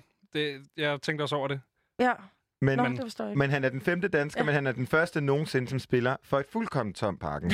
men det var jo ikke uden publikum, fordi han spillede på det øh, via den her livestreaming tjeneste, der hedder Twitch, Ja. hvor han havde altså fuldstændig sindssygt mange mennesker med 850.000 tunet ind over de her øh, fem timer. Ja, og jeg, jeg kan huske, at vi havde ham jo inde og snakke om den her Parken-koncert, hvor han nævnte, at han jo på et tidspunkt i det her koncert havde så mange lyttere stillet ind på samme tid, at det var næsten ligesom at spille dobbelt Parken. Ikke? Ja, fordi han havde på et tidspunkt 40.000 live, og i Ja, okay. kan der være 38.000, så det er rimelig vildt. Og man Ja. forstår ham godt, fordi han gør det nemlig igen. Øh, hver anden uge vil Martin finde nogle af de mest legendariske steder øh, i Danmark, øh, og så livestreame sådan et 4-5 timers DJ-sæt derfra. Og øh, det næste sted, det er simpelthen Billund Lufthavn, og jeg er lidt spændt på, hvor... Alle steder. Hvis man har været i øh, den jyske by Billund, øh, og den geniale lufthavn, der ligger der, så er det ikke sådan, jeg tænker, øh, stor hall. Så jeg håber lidt, at det er ude på sådan tomme Ude på landingsbanerne. det være så Præcis, svedigt. ikke? Overvej. Måske med et fly, der kommer flyvende og skriver Martin Jensen eller sådan noget. It's a beautiful day. men, øh, men, præcis. Som vi snakkede om, øh, så spillede han jo her i parken, og vi talte med ham dagen efter hans parkenkoncert øh, om, hvad, hvad der ligesom skulle ske, og hvordan man underholder 40.000 mennesker live. Ja, men altså, det er, jo, det, det er jo den, jeg skal jo finde en måde, hvor jeg kan stadig underholde folk på, fordi går jeg ind og spiller et fem, øh, fem timers DJ-sæt, og jeg står bare og kigger ned i pulsen i fem timer, ikke? går, så ved jeg da godt, at jeg har tabt de første øh, 39.000 af dem, der så med i går. Øh, at det, det er der jo ikke nogen, der vil se på. Det, det er jo røvkedeligt. Så kan de lige så godt gå ind og se en uh, YouTube uh, fra Tomorrowland sidste år, hvor mm. Chainsmokers eller øh, David Guetta eller Martin Garrix spillede, ikke? Og det er jo det samme. Øh, så jeg skal jo finde en anden måde for at underholde folk på. Og det, det er det, man kan gøre via Twitch med, at ligesom folk de kan skrive ind, og så kan jeg så ligesom snakke tilbage til folk. Og, og det fungerer bare skide godt. Men lad os da bare sige det sådan, når du går ud og laver et livestream, der rykker en million, så står alle venues lige pt. Øh, med hænderne over hovedet og siger, please, kom, kom, kom, kom, kom. Og det må, være, Så- det må virkelig være et dejligt udgangspunkt. Det, det fungerer ret godt, lad os bare sige det sådan. Her hørte du et klip fra Frekvens på Radio Loud, hvor vi snakkede med den danske DJ og producer øh, Martin Jensen, dagen efter han havde spillet for 850.000 mennesker via Twitch. Det er vanvittigt. Altså, det er, jo, det er jo simpelthen en vanvittig mængde mennesker. Det er Øhm, nemlig helt sindssygt. Og man forstår jo godt, som han siger her i klippet, at øh, den her sådan måde, han, han fik succes med det, var, at han ligesom brugte utrolig meget energi på interaktion. Du kunne ligesom chatte med ham under hele øh, den her performance, og det gjorde ligesom, at man følte, at man var med til at skabe den her koncert. Og det er jo et, et, øh, et format, han kommer til ligesom at bruge. Øhm, og som han siger her i klippet, så står alle ligesom klar i hele verden til at byde ham velkommen. Øhm, men det er jo lidt svært at rejse ud af landet, når vi har det her ind- og udrejseforbud, så han kommer jo til at fortsætte på de her legendariske danske steder. Det præcis. Og mens vi hørte fra Martin her, der var vores øh, redaktør Mikkel Bakker lige inde og fortalte os, at der går altså kun ét fly fra Billund i morgen, og der går ikke noget fredag. Så det kunne meget vel være, at han kommer til at stå ude på, ude på landingsbanen. Vi får lige et, øh, et lille remix, Martin Jensen han har været inde over. Her er Day and Night.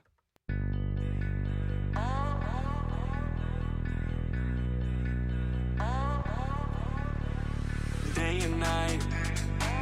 I toss and turn, I keep stressing my mind, mind. I look for peace, but see I don't attain. What I need for keeps this silly game we play, play, play. Now look at this. Madness, the magnet keeps attracting me, me. I try to run, but see I'm not that fast. I think I'm first, but surely finish last, last.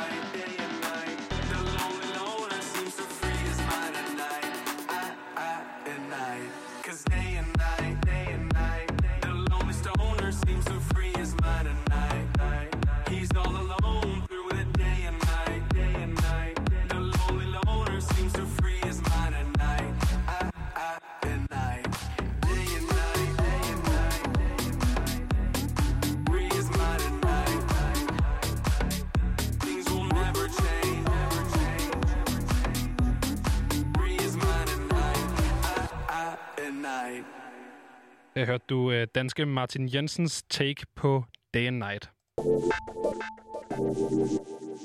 Det er Earth Day i dag, guys. Det er Earth Day i dag, men det er også koncert- øh, og live musikdag. Fordi vi har snakket rigtig meget om, øh, om live musik på, øh, på Frekvens, og vi har også åbnet muligheden for, at øh, I kan gå ind og skrive til os inde på vores Instagram, yeah. radio.loud.dk. Der ligger en story, man kan DM os, man kan skrive en mail til os på Frekvens at Radio Loud. Og det var jo lige præcis derfor, at vi havde øh, Johan med tidligere, den her 29-årige mand, som simpelthen, hvis jeg det, banker for Depeche Mode. Ikke? Ja. Det, her, altså, og det er jo ret interessant det her med, at der er kommet ret mange skønne bud. Der er blandt andet også kommet Lizzo i KB-hallen, en uh, koncert, som jeg simpelthen er så ked af at være gået glip af. Åh, oh, samme her. Altså, og det er jo ret fedt det der med ligesom at, på, øh, at kunne mærke, at hvordan koncerter ligesom fylder så meget i os, og også hvordan vi kigger tilbage, fordi vi er jo en tid, hvor vi ikke kan få lov til at gå til koncerter. Ja, og alle de initiativer, de også bare afspejler bare, hvor meget at vi, vi, vi savner det, og, og hvor, hvor, hvor særlig en, en oplevelse det er. Vi savner nemlig rigtig meget at gå til koncerter, og for at ligesom hylde live-musikken, så, øh, så har vi faktisk tid til et lille lytterønske. Så vi øh, sætter Frank Ocean på. Som er ønsket af Mathias Bunde, som aldrig glemmer Northside-koncerten, hvor at han spillede. Her kommer Frank Oceans Pink Plus White. Yeah, yeah. Uh, yeah, yeah, yeah. That's the way every day goes. Every time no control. If the sky is pink and white, if the ground is black and yellow, it's the same way you showed me. Nod my head, don't close my eyes. Halfway on a slow move. It's the same way you showed me. You could fly, then you'd feel south. Up north's getting cold soon. The way it is, we're on land. So I'm someone to hold true. Keep you cool when it's still alive. Won't let you down when it's all ruined. Just the same way you showed me. Showed me. You showed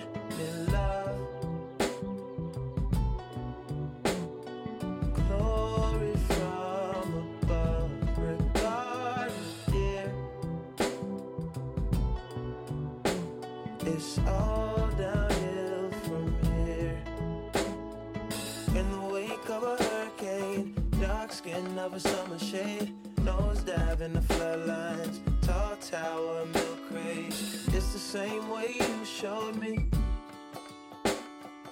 Cannonball off the porch side, older kids trying off the roof. Just the same way you showed me, you were showed. If you could die and come back to life, up for air from the swimming pool, you kneel down to the dry land, kiss the earth that birthed you, gave you tools just to stay alive and make it out when the sun is ruined. That's the same way you showed me, showed. You showed me love.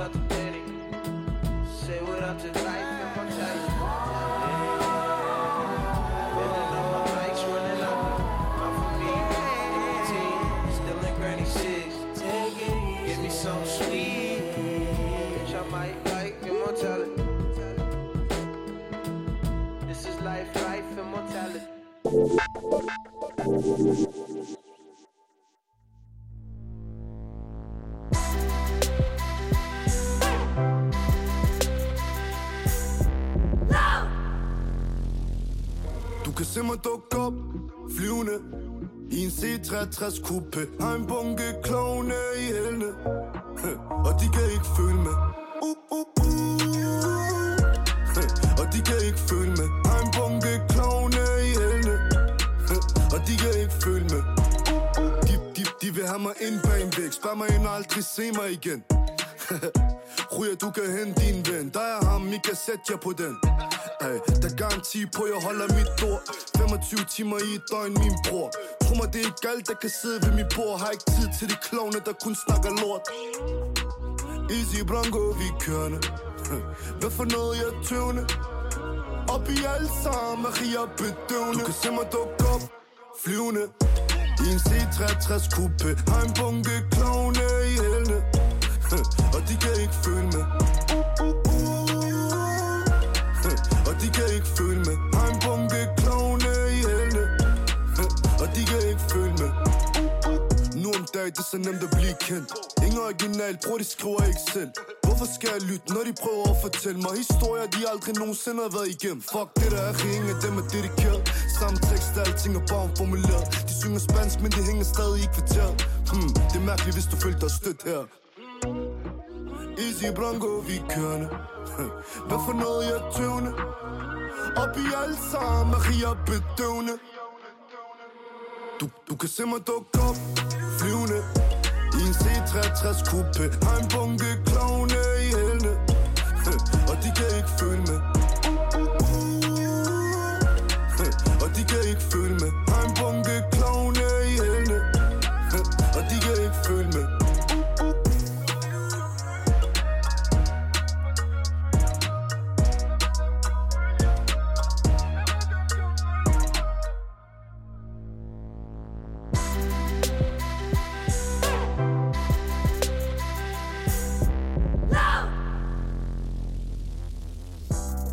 Du lytter stadig til Frekvens på Radio Loud. Mit navn er Benjamin Clemens, og jeg står her i studiet sammen med Becca Reyes, som i skrivende stund er ved at få sit hår farvet af vores tilrettelægger Christian. Jeg troede, vi kunne nå det.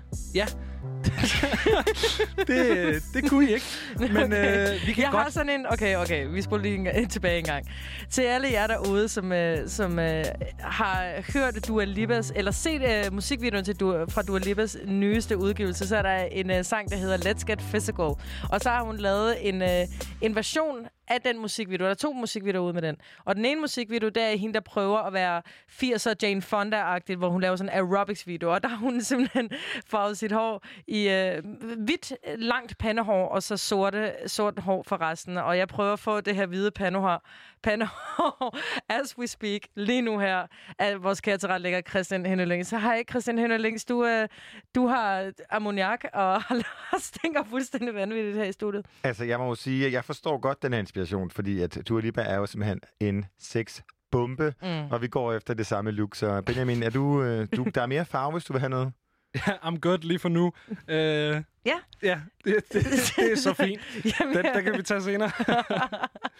vi har snakket rigtig meget om, øh, om live musik øh, de sidste par timer, og vi har en hel time endnu, hvor vi skal snakke om alt muligt, blandt andet live musik. Jeg synes, vi lige skal, skal starte ud ved at, ved at komme lidt tilbage i den her live-stemning, ved at høre en af mine, faktisk nok mit yndlings Minds of 99-nummer. Det er Knud, som er død. Det er selvfølgelig live-versionen.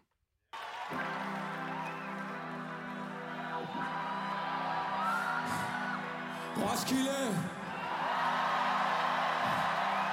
Det har været så fucking varmt. Lad os tage nord på.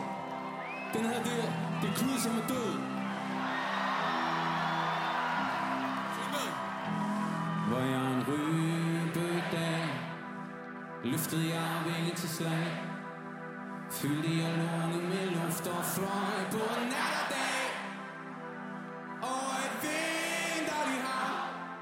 Som sunder i hvidt skål. Gennem det mørke decembers Skyer tumlet op Det er klud som er død. Frys som i andre fryser i dag. Uden ild og glød. Gennem det mørke december. Som en ribe storm. Kastebold for alt blæst. Med et uværts budskab Flår jeg dig mod.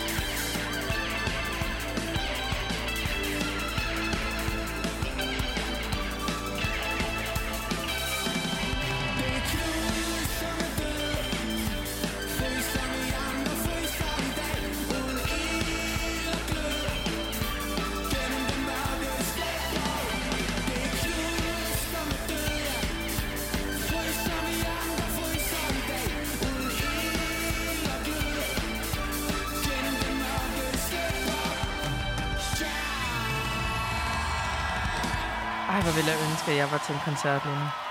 Ja, det havde også øh, det havde set kønt ud med alt det sølvpapir, du står og har hængende ned i panden. Nå ja, okay, Øhm, jeg måske. vil ønske, at, øh, at radioen var et visuelt medie lige nu, kære lytter, fordi at... Øh, ja, jeg, jeg, Becca står med hvidt snask i panden og sølvpapir hængende ned foran øjnene, og det ser i det hele taget bare alternativt jeg ud. har, jeg har taget ideen om en sølvpapirshat meget alvorligt. Jeg synes ikke bare, man skal snakke om sølvpapirshatte. Jeg synes, Nej, man skal i rent praktisere faktisk at- at praktisere sølvpapirshatte. Mm. Hvad hedder det? okay, okay, vi prøver at koncentrere os alligevel. Så. Skal, skal vi lige gøre vores arbejde Ja, hurtigt i gang, eller hvad? Lad os prøve. Okay, Okay, det er fantastisk. for i dag. Vi har snakket rigtig meget om live musik, men i går der havde vi et andet tema, og der var det Teva covers. Yes. Og et cover, som vi opdagede lige lidt for sent. Jeg opdagede det på vej ind i studiet, øh, hvor at vi ligesom havde aftalt, hvad der skulle ske, og det var lidt sent, der begyndte at ændre i tingene. Det var øh, et cover, som Christine and the Queens, som altså er hende her franskmanden, vi har snakket om før, mm. som har sådan en meget øh, sådan grandiøs, artpoppet øh, tilgang til at lave øh, sådan semi-elektronisk musik. Ja, synth, sådan noget synthet også. Hun har mange ja. referencer til 80'erne, og hvis øh, du øh, kender til Christine, øh, Christine and the Queen, så har du måske forhåbentlig også øh, set nogle af hendes live performances, fordi det er ja. det her meget æstetiske, koreograferede og androgyne univers, som hun skaber. Lige og, præcis. det, og, hun- og så er hun latterligt dygtig også til at synge. Og det var et univers, som du øh, stiftede bekendtskab med for ikke så lang tid siden, Benjamin. Det er et univers, som jeg ikke... Ja, lige præcis. Det, var, det er et par måneder siden, tror jeg. Jeg tror, ved du hvad? Det var faktisk på, øh, på den aften, Danmark lukkede ned, at jeg hørte Christine and the Queens øh, første gang. Det var øh, min gode ven Frej, som, øh, som satte det på. Vi sad og, og drak en øl. Vi så faktisk pressemødet sammen. Og var sådan lidt halsen allerede. Der blev stemningen lidt mærkelig. Men op indtil da, der var det super hyggeligt. Og øh, vi sad og spillede en masse ny musik for hinanden. Og der var det, jeg opdagede der. Og, og til jer øh, lytter derude, som, som måske ikke har lyttet med fra, fra da vi øh, sendte frekvens fra allerede fra et par timer siden, nu er det vel efterhånden, men der har vi øh, jo talt om de her øh, live performances øh, på, på sociale medier, altså hvor øh, kunstnere går ud og laver covers. Vi har snakket om J.Ru, som er den her amerikanske kunstner, men baseret i København, som har lavet en øh, cover af Moses Somni, Plastic, som vi spillede tidligere i programmet, hvor at... Øh, du ved, det, det, hvor vi kom til at snakke om den her corona-æstetik. Du ved, det lyder som om, at du har ringet til nogen, som har stillet sin, sin, øh, deres telefon på et bord, og så lytter du med på højtaler, og det, det er ligesom den æstetik, øh, vi, vi er ude i på, på mange af de her optagelser. Og det er jo også en æstetik, som vi kommer til at møde i det her klip, øh, men som på en eller anden måde er, er, er lidt mere... Altså, det er helt sikkert mere øh, professionelt produceret. Altså, jeg vil sige, det var faktisk helt modsat. Det er jo så rent, det hun synger. Jeg, jeg blev nærmest i tvivl, da jeg så Christine and the Queens' cover, om hun, om hun rent faktisk sang, eller hvad det var. Men det er jo stadigvæk så strippet ned i forhold til, hvad en eller almindelig produktion kunne være af et nummer, som var udgivet. Muligvis. Altså ud fra, hvad jeg, jeg ved om hende, så kan jeg meget vel se, at hun sidder og laver backingen på computeren, altså det, der kører i baggrunden, og så bagefter simpelthen bare stiller sig op og synger det, og at vi får noget, der minder rigtig meget om det rene signal. Fordi hun altså emmer jo af, af talent. Så nu får du altså lige hendes version af et Travis Scott-nummer, som hedder Highest in the Room.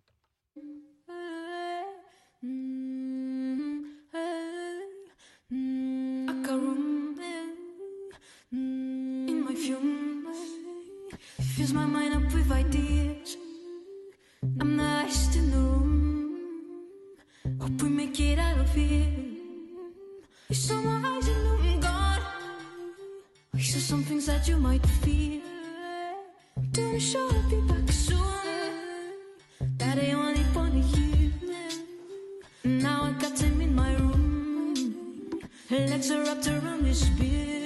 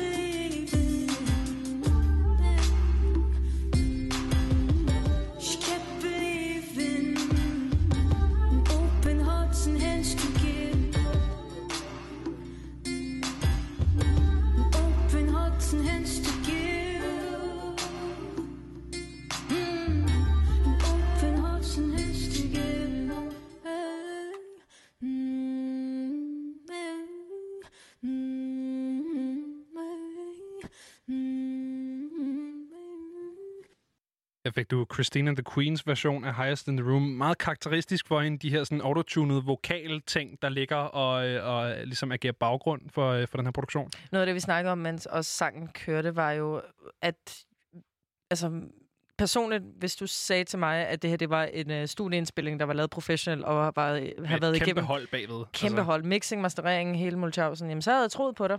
Så, så jeg vil sige, at det, det, det nærmest øh, er, altså, hun er virkelig skruet op for, for production value, Ja. når der kommer til hendes live session. Ja, og hvis du ser den Instagram øh, TV-video, som det her det jo er, hun har ikke sendt live, hun optog det ligesom og har udgivet det på Instagram TV, mm. som er lidt de her længere formater end de her et minuts videoer, som Instagram ellers kører med.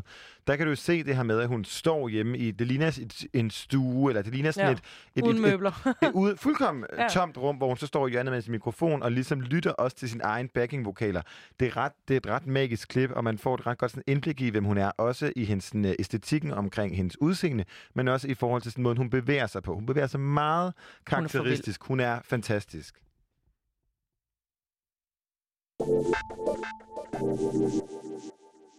I mandags der havde vi fornemt besøg her på Frekvens, fordi at øh, vi havde også en fin snak med de to rapper, Vinny og Goldie. Og det er jo fordi, at de er for nyligt udkommet med, med den single, der hedder For Evigt, som øh, ja, jeg ved i hvert fald, øh, synes er lidt af en banger. Ja, og det er jo ret interessant det her med, at vi har med to øh, danske kvindelige rapper at gøre, som kommer fra henholdsvis Skanderborg, hvor Goldie er fra, og fra Vestegnen, eller bedre kendt som Hvidovre. Hvidovre, ja, på Vestegnen. Præcis. Ja. Ja. Øh, hvor, hvor Vinnie er fra, og vi, ligesom, vi har en snak med dem om det her med, hvordan man ligesom mødes, og hvordan at man, øh, sådan, hvordan samfundet er omkring det at være øh, kvindelig musiker. Nu er I begge to rapper i et, kan man sige, meget mandsdomineret game. Vinde, hvis du måske lige er den første til at svare på det her, men jeg vil lige høre, er for dig sådan, dit køn, er det vigtigt mm-hmm. for dig, og dine tekster og dit musikunivers? Slet ikke. Altså, jeg føler, at jeg lever ligesom en dreng. Forstår du mig? Altså, nej, altså, jeg sidder som en dreng. Jeg gør som en dreng. Jeg er sådan lidt drenget i det, men det, jeg synes, det er meget vigtigt at, sådan, at huske, at man også er meget feminin som pige, og får komme med nogle af de egenskaber, som man også kan udnytte, når man er pige. Ikke? Ja. Altså, være lidt flirtende her og der, og sådan noget. Det er okay. Ja, helt sikkert, fordi kan man sige, Ja. det, det nummer, vi lige har hørt her, altså det er meget mm, den her med, altså jeg er kvinde, men det er også en attitude, som, som jeg tager til mig og bruger, kan man sige, meget aktivt.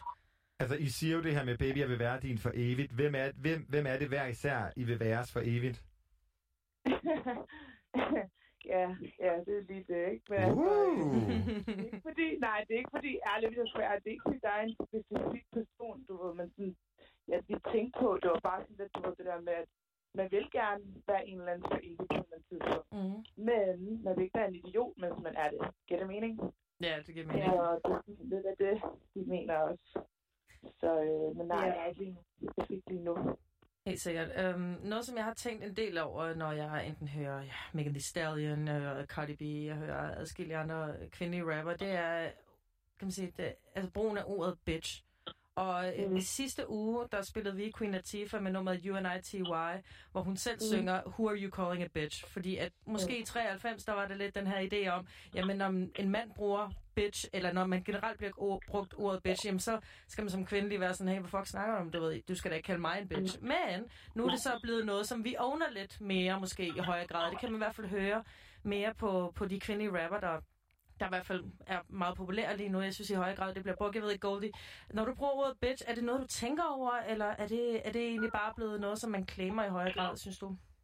Altså, jeg har i hvert fald claimet ordet, du ved, det der bitch. Du mm. ved, før i tiden var det jo det der med, hvis du blev kaldt en bitch, så var det negativt. Mm. Nu er det sådan, at det er okay at være en bitch, fordi du ved, uanset hvad, som den bestærkning siger, så vil du alligevel kalde mig en bitch, hvis Mm. jeg opfører mig som en bitch. Så det er sådan lidt, altså jeg tager det som i, at du ved, det er okay at være en bitch nogle gange. Du ved, det er sygt for mig. Hvad, hvad indebærer det at opføre sig som en bitch? Det bliver jeg lige nysgerrig på. Ved jeg ikke, altså, jeg tror bare, at hvis du har en mening for det meste, føler jeg, så er det en bitch. Altså. Du må sgu gerne have en mening, synes jeg. Ja, det synes jeg også. Jamen, det føler jeg, altså, hvis du virkelig, like, if you're standing your ground, mm. øhm, så føler jeg bare, at så er du en bitch, og du ved, hvis du ikke lige, hvis du ikke lige, du ved, følger men, mandens hjerne, eller du ved, mm. Mm. ja, så føler jeg bare, at man er en bitch. Så du er bare trodsig. Du har en ryggrav. Ja, 100. Ja. Men det, er jo ikke, men det er jo ikke kun jer selv, som I kalder en bitch. Det er jo det der med sådan, altså det er jo også det der med at, at reclaime ordet, men også at kalde hende, altså sige det her sådan, mig og mine bitches. Hvordan, er, det Ja. noget, er det noget, I bruger aktivt? Hvad med, gør du det, Vinnie? Nej, jeg, jeg, altså, jeg siger ikke smart bitch og sådan noget der. Jeg, men jeg kan godt finde på at sige, at, øh, men jeg siger det på en negativ måde, hvis jeg skal sige det. Jeg siger, lidt, altså, jeg siger det på en mere aggressiv måde, hvor tværtimod Goldie, hun siger det måske mere som sådan en veninde-måde. Altså, sådan, det var også meget forskelligt, hvordan folk bruger det, ikke? Men Jo. altså, det betyder det ikke bare kælling. Hvordan bruger du det, Goldie? Hvad siger du?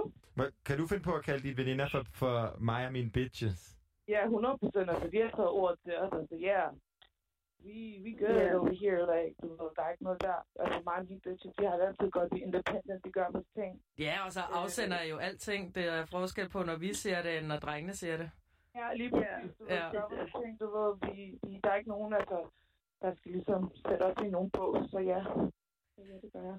Goldie, hvad hedder det? Mm, Jeg fandt dig faktisk tilfældigvis på, på Insta, tilbage, Mm. da du udgav den single, der hedder Basic Bitch. Og jeg Ja. kan ikke huske, hvornår jeg sidst har grint så meget af en rap-tekst. Kan du måske lidt... Ej, men jeg er fuldstændig flad grin. Altså, kan du fortælle mig lidt om sådan... Du ved, øh, altså både øh, med Basic Bitch, sådan øh, Basic Bitch, undskyld, øh, helt specifikt, men også generelt, sådan, hvad, hvad er din proces, når du skriver tekster?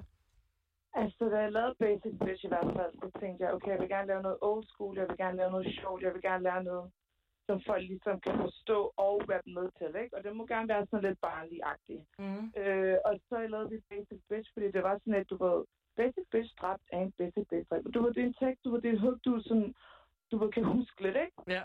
Så øh, du ved, når jeg skriver tekst, så skriver jeg bare ud fra, hvordan jeg har det. Du ved, hvilken situation jeg står i, eller nogle historier, som jeg har, du ved, jeg har i lommen. Du ved, det er bare sådan lidt, du ved, hvordan jeg har det. Du ved, Ja. det er mit liv. Det var. Kan, kan, du, kan du lige uh, spytte en enkelt bar eller to fra Basic Bitch til, til dem, der ikke har hørt den? Øh, øh, Basic Bitch dræbt er en Basic Bitch dræber. Selv i folkeskolen var du en Basic Bitch dræber. Hey. Øh.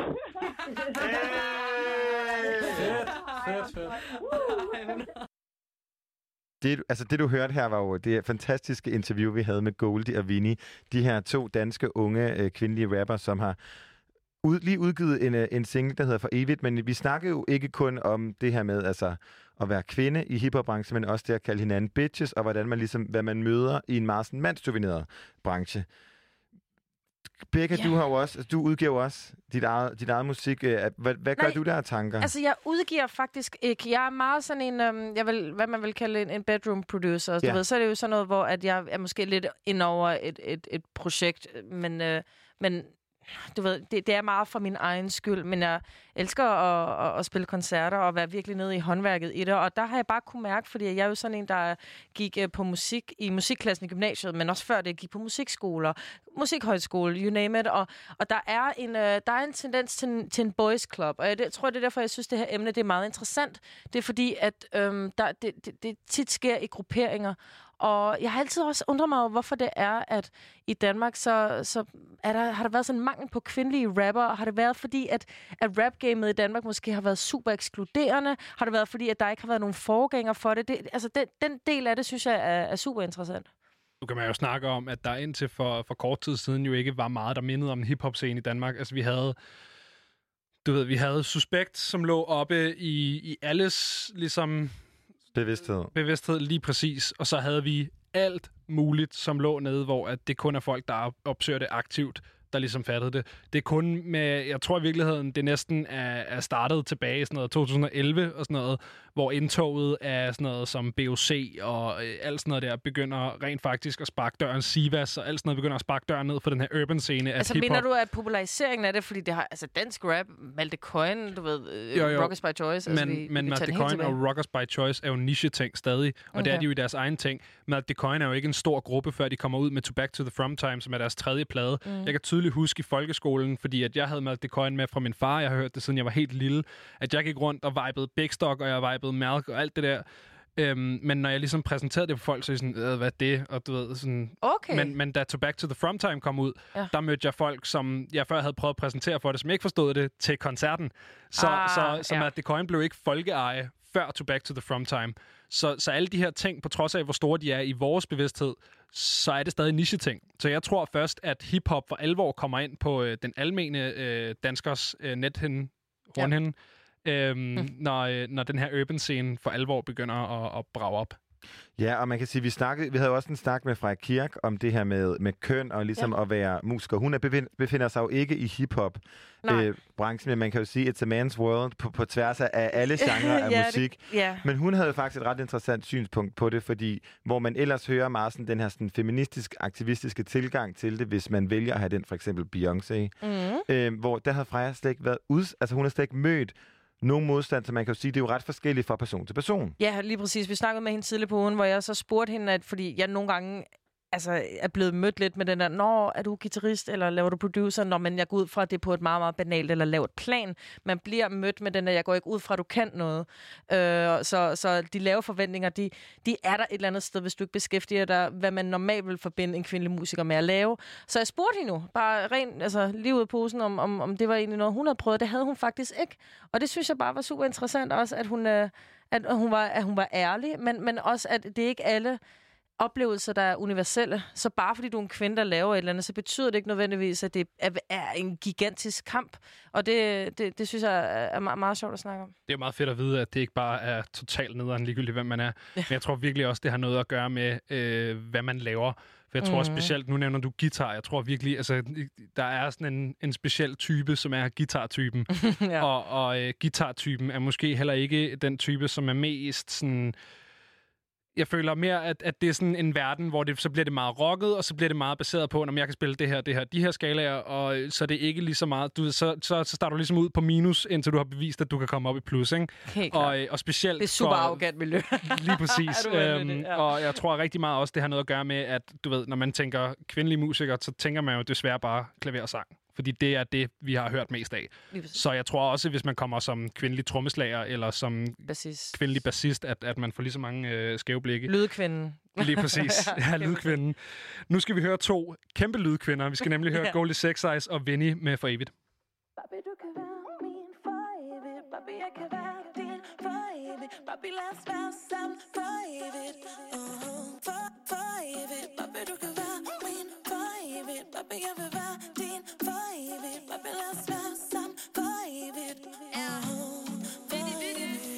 Okay, jeg ved, du vil være min for evigt. Ingen ring på fingeren, så ikke kan mig baby.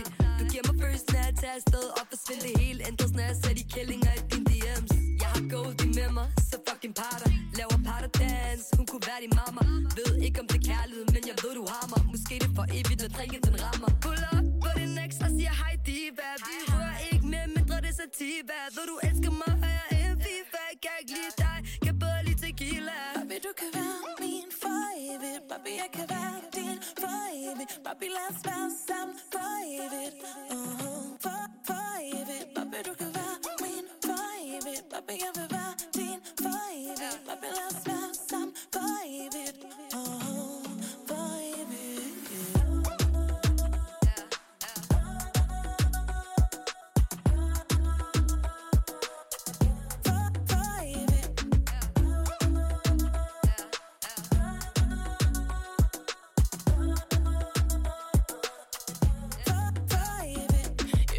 siger, du altid finder mig der, hvor pengene er. Men jeg er penge i mig selv, hvornår får du det lært? Han leger med hans penge og ikke hans fucking net. Og derfor lader ham knippe mig til at fucking hit.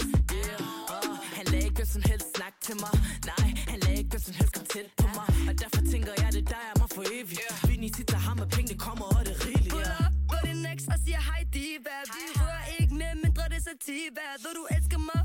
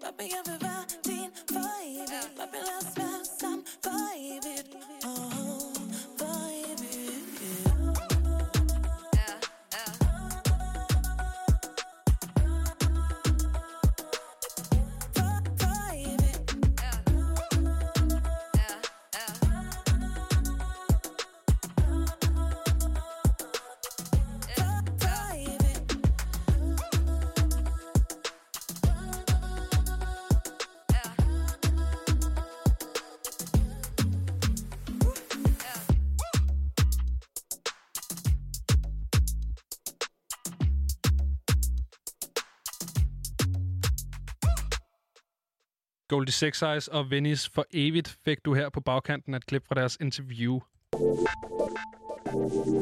Vi spillede den op til, til dig, lytteren, øh, her tidligere i dag, da vi snakkede om, øh, om live musik, fordi at, øh, vi har nemlig lagt en story ud på vores Instagram, radio.loud.dk, hvor man kan gå ind og, øh, og fortælle os lidt om, øh, om sin bedste koncertoplevelse nogensinde, og det er der en masse af jer, der har gjort.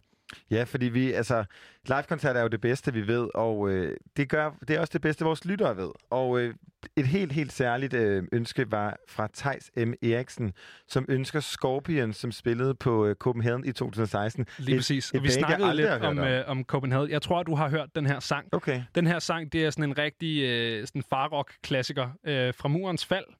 Øhm, og vi snakkede lidt om, øh, om Copenhagen, så jeg synes, det var rigtig passende at tage fat i Tejs ønske. Her får du altså intet mindre end Winds of Change fra Scorpions.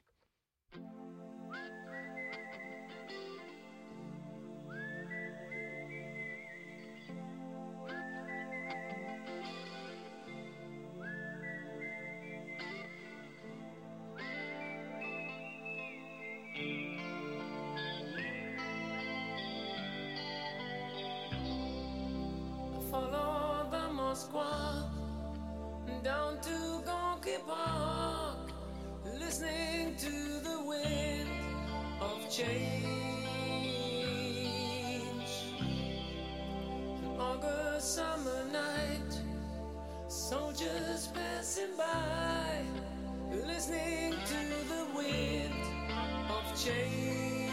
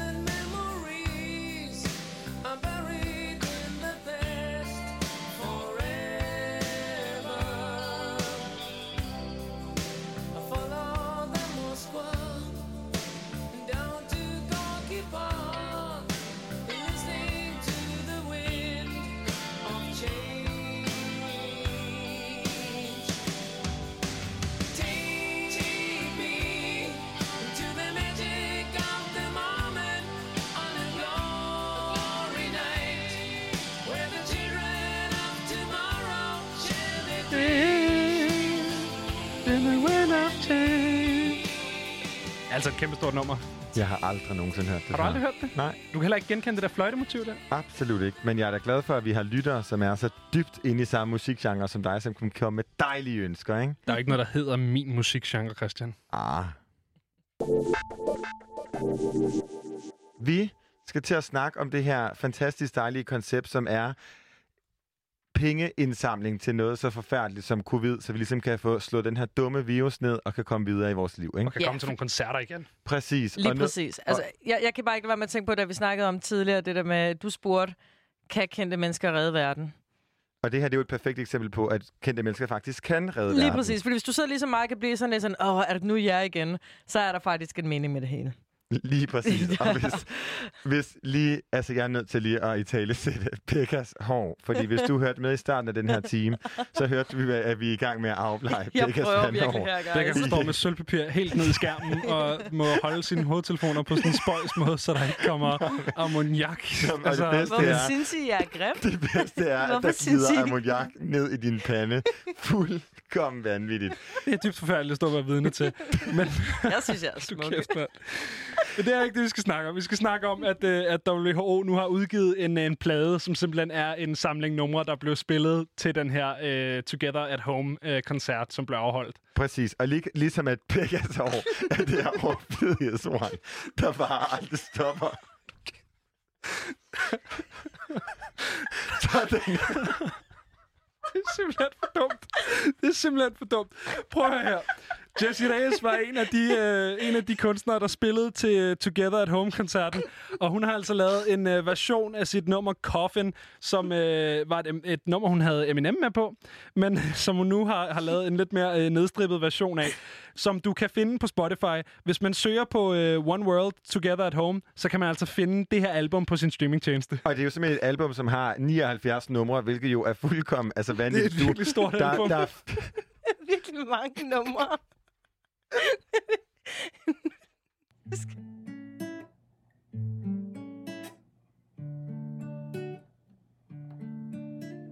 We fought until the sun rose, and I still ain't been to bed. And while you got your eyes closed, the devil wakes up in my head. He told me that you hate me and you blame me, and he said that you wish that you were dead. So I write a little note out. Suicidal love roulette. You make me wanna jump off the roof. I love you to death, just like a fool. We'll need a coffin, handmade for two. Cause I love you to death, just like a fool. Just like a fool. Just like a fool.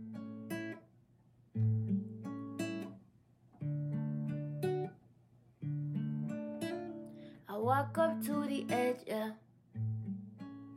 and say a prayer before I let go.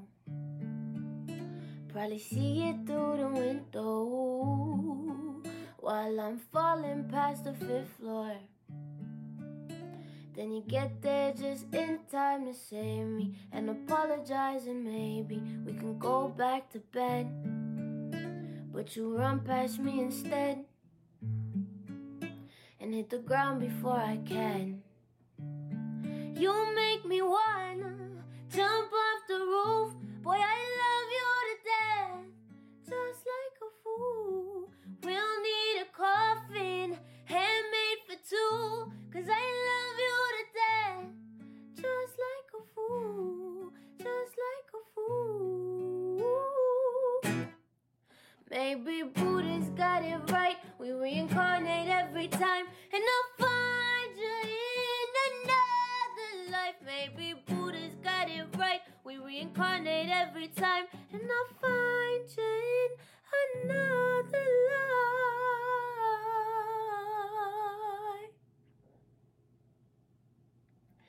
You make me wanna jump off the roof.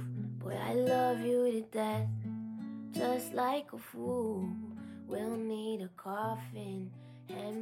Det du hører her, det er altså Jessie Reyes øh, version af sit eget nummer, Coffin, som hun spillede på One World Together at Home-koncerten. En koncert, der nu kan findes på, øh, på Spotify. Ja, altså det, er jo, en- det var en fire timers lang koncert, som du kan finde på øh, din Spotify, eller den tjeneste, du bruger til at høre musik på, hvor der ligesom er det her One World Together at Home. Og det er jo et lineup, som er altså fuldkommen vanvittigt. Øh, vi har Lady Gaga, som har været med ind over det hele, og du kan høre alt fra Billie Eilish til Elton John. Og nu skal vi måske til noget, som er sådan... Altså, det kommer selvfølgelig hvem du, an på, hvem det er, du snakker med. Men det er lidt mindre alvorligt end øh, uh, covid-19, fordi det er nemlig den skønne nyhed, som jeg som One Directioner er så lykkelig for, nemlig at One Direction igen er samlet. Og du callede den? Jeg callede den nemlig, fordi jeg havde... Altså, og du callede den jo on air, så den er jo Præcis. altså sat i Super sten. legit. Præcis, og det var jo ligesom de her rygter, vi snakkede om forleden, at en genforening af de her fem drenge var på trapperne. Mm. Øhm, og nu er det simpelthen sandt, og jeg tror, at øh, hvis, hvis vi kunne være inde i øh, den her store milliongruppe af piger og drenge, hjerter, så tror jeg, at de er knuste af glæde, fordi det er simpelthen utroligt, øh, hvor, meget det her det betyder for folk. Nu spørger jeg dig nemlig noget, Christian, fordi jeg er jo lige en tand for gammel til måske at være One, Dire- uh, One Direction-fan, og det, det kommer af, at de blev samlet i 2010, kan det passe? Lige præcis. Det var det år, jeg gik ud af gymnasiet. Det kan være, det måske lige, du ved, fløj over hovedet på mig, at de, at de var en ting. Men nu spørger jeg dig som One Direction-fan. Det er mu- muligvis et kynisk spørgsmål, men er det her lidt et, et forsøg på måske at få nogle øh, lidt mere opmærksomhed, lidt flere penge? Lykkedes det ikke for dem med deres solokarriere? De går tilbage til, hvad de kender. De kunne ikke lave en Timberlake. De går tilbage til en sync. Hvad, hvad er vi ude i? Hvad tror du? Altså, nogle af dem kunne godt lave en Timberlake. Altså, lige- Zayn og Harry Styles er lykkes rimelig godt med at lave en Timberlake. Og jeg tror ikke, at det har noget at gøre med, at de øh, ligesom øh, ikke har lykkes som solokarriere. Vi er jo at gøre med en drengegruppe, som er sammensat. Altså, de var en del af X-Factor UK, hvor at øh, Simon Cowell, som jo har, også har sammensat, øh, hvad hedder de her, dem som lavede Work From Home, Fifth Harmony, mm. altså har lavet kæmpe, massiv musikgrupper, som bare har fået kæmpe karriere. Og øh, selvfølgelig har det her nok noget at gøre med, at det er 10 år siden, at de øh, gik sammen, og de nu har været fra hinanden, og de ved, at der er mulighed for, at, man, øh, at de ligesom kan få en karriere igen. Men det er faktisk ikke bare rygter, jeg har læst, fordi Liam Payne, et af de fem medlemmer, han talte med øh, DJ-producer Alesso live på Instagram, hvor at øh, ret mange af spørgsmålene gik på 1D. Det skal vi høre her. I did um, speak to Niall again on FaceTime today, though, and he was outside on his balcony, all sunbathing and whatever. Is he in LA or? Huh? Is he in LA or in London? No, he's in London as well. He's in London Oh. too, so most of us are in London. We've been trying to arrange the first like group FaceTime at the moment. Ooh, Maybe oh my God, the whole come in and world is in- gonna You can like- come and fill in for Zayn. Oh wow, wow! The Enjoy the band. The whole world is about to explode. i den her meget sådan hjemlige samtale. Det lyder jo nærmest bare som et telefonopkald, men det var altså en Instagram Live, som blev streamet ud til alle deres mange millioner af følgere, hvor at øh, Liam Zane, en af de her, øh, hvad hedder det? Liam Liam Payne. Payne, undskyld. Ja. En af de her øh, fem medlemmer i One Direction ligesom siger det her med, at de fleste af os er i London, og vi forsøger at arrangere den første FaceTime-samtale med alle drengene i øjeblikket. Og øh, de snakker faktisk, altså de bliver spurgt ind til, selvom at den her samtale skal handle om, at øh, Alesso og Liam Payne, den ene af de her One Directioner, har lavet et nummer sammen, så bliver alle spørgsmål forståeligt nok. Mm. S- kommer, går ligesom på 1D, og her kommer et klip mere. Oh my God, dude! There's so many One Direction questions, but I feel like I don't want to put you on the spot, you know, um, because I know you can't speak too much. I can't say too much. It was actually Louis told me off for, for revealing our, a bit of our plans the other day. So you got to get me like group telling offs on the group chat. Her fortæller øh, Liam Payne igen, altså det her med, han kan ikke sige så meget, øh, fordi at øh, Louis, en af de andre øh, medlemmer fra One Direction, ligesom har skældt ham ud. Men jeg ved godt, hvad det betyder, når nogen siger, at man ikke, jeg kan ikke sige noget. Det betyder, at der kommer noget jo. Det betyder, at der er noget at skjule. Og det, og Hvis, det, hvis, fordi hvis der ikke var noget, så han var sådan, Nå, nej, nej, det, det skal vi Det ikke. gør vi ikke, ja. Nej. Præcis. Jamen, og jeg tænker lige præcis også, det er nemlig en, det er jo præcis en måde for dem at sige, at der kommer et eller andet, men vi ved ikke hvad. Fordi det kan jo, der er ikke nogen, der ved, om det betyder en reel reunion, eller om det bare er sådan en 10-year celebration. Men her kommer øh, Alessos, øh, hvad hedder det, nummer sammen med Liam Payne, som er det seneste, vi har hørt fra en 1D'er.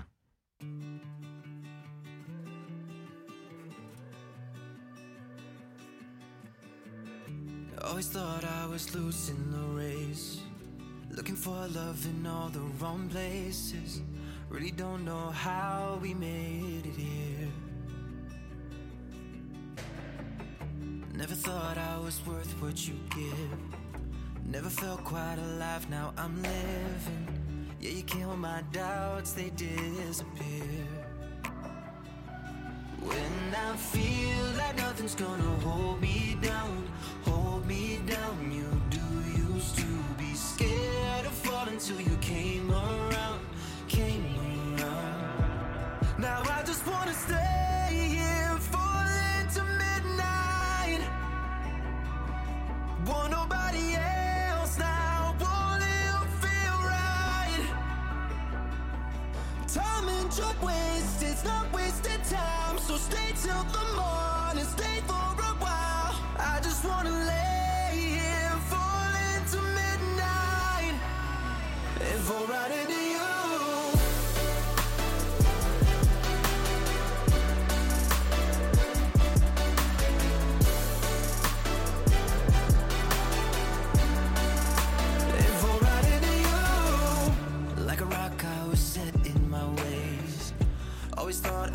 too far from grace, yeah.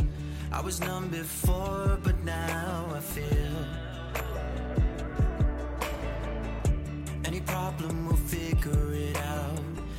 Any love lost, we'll bring back around. Any broken heart, we'll make it Her fik du Alesso og Liam Payne på nummeret, der hedder Midnight.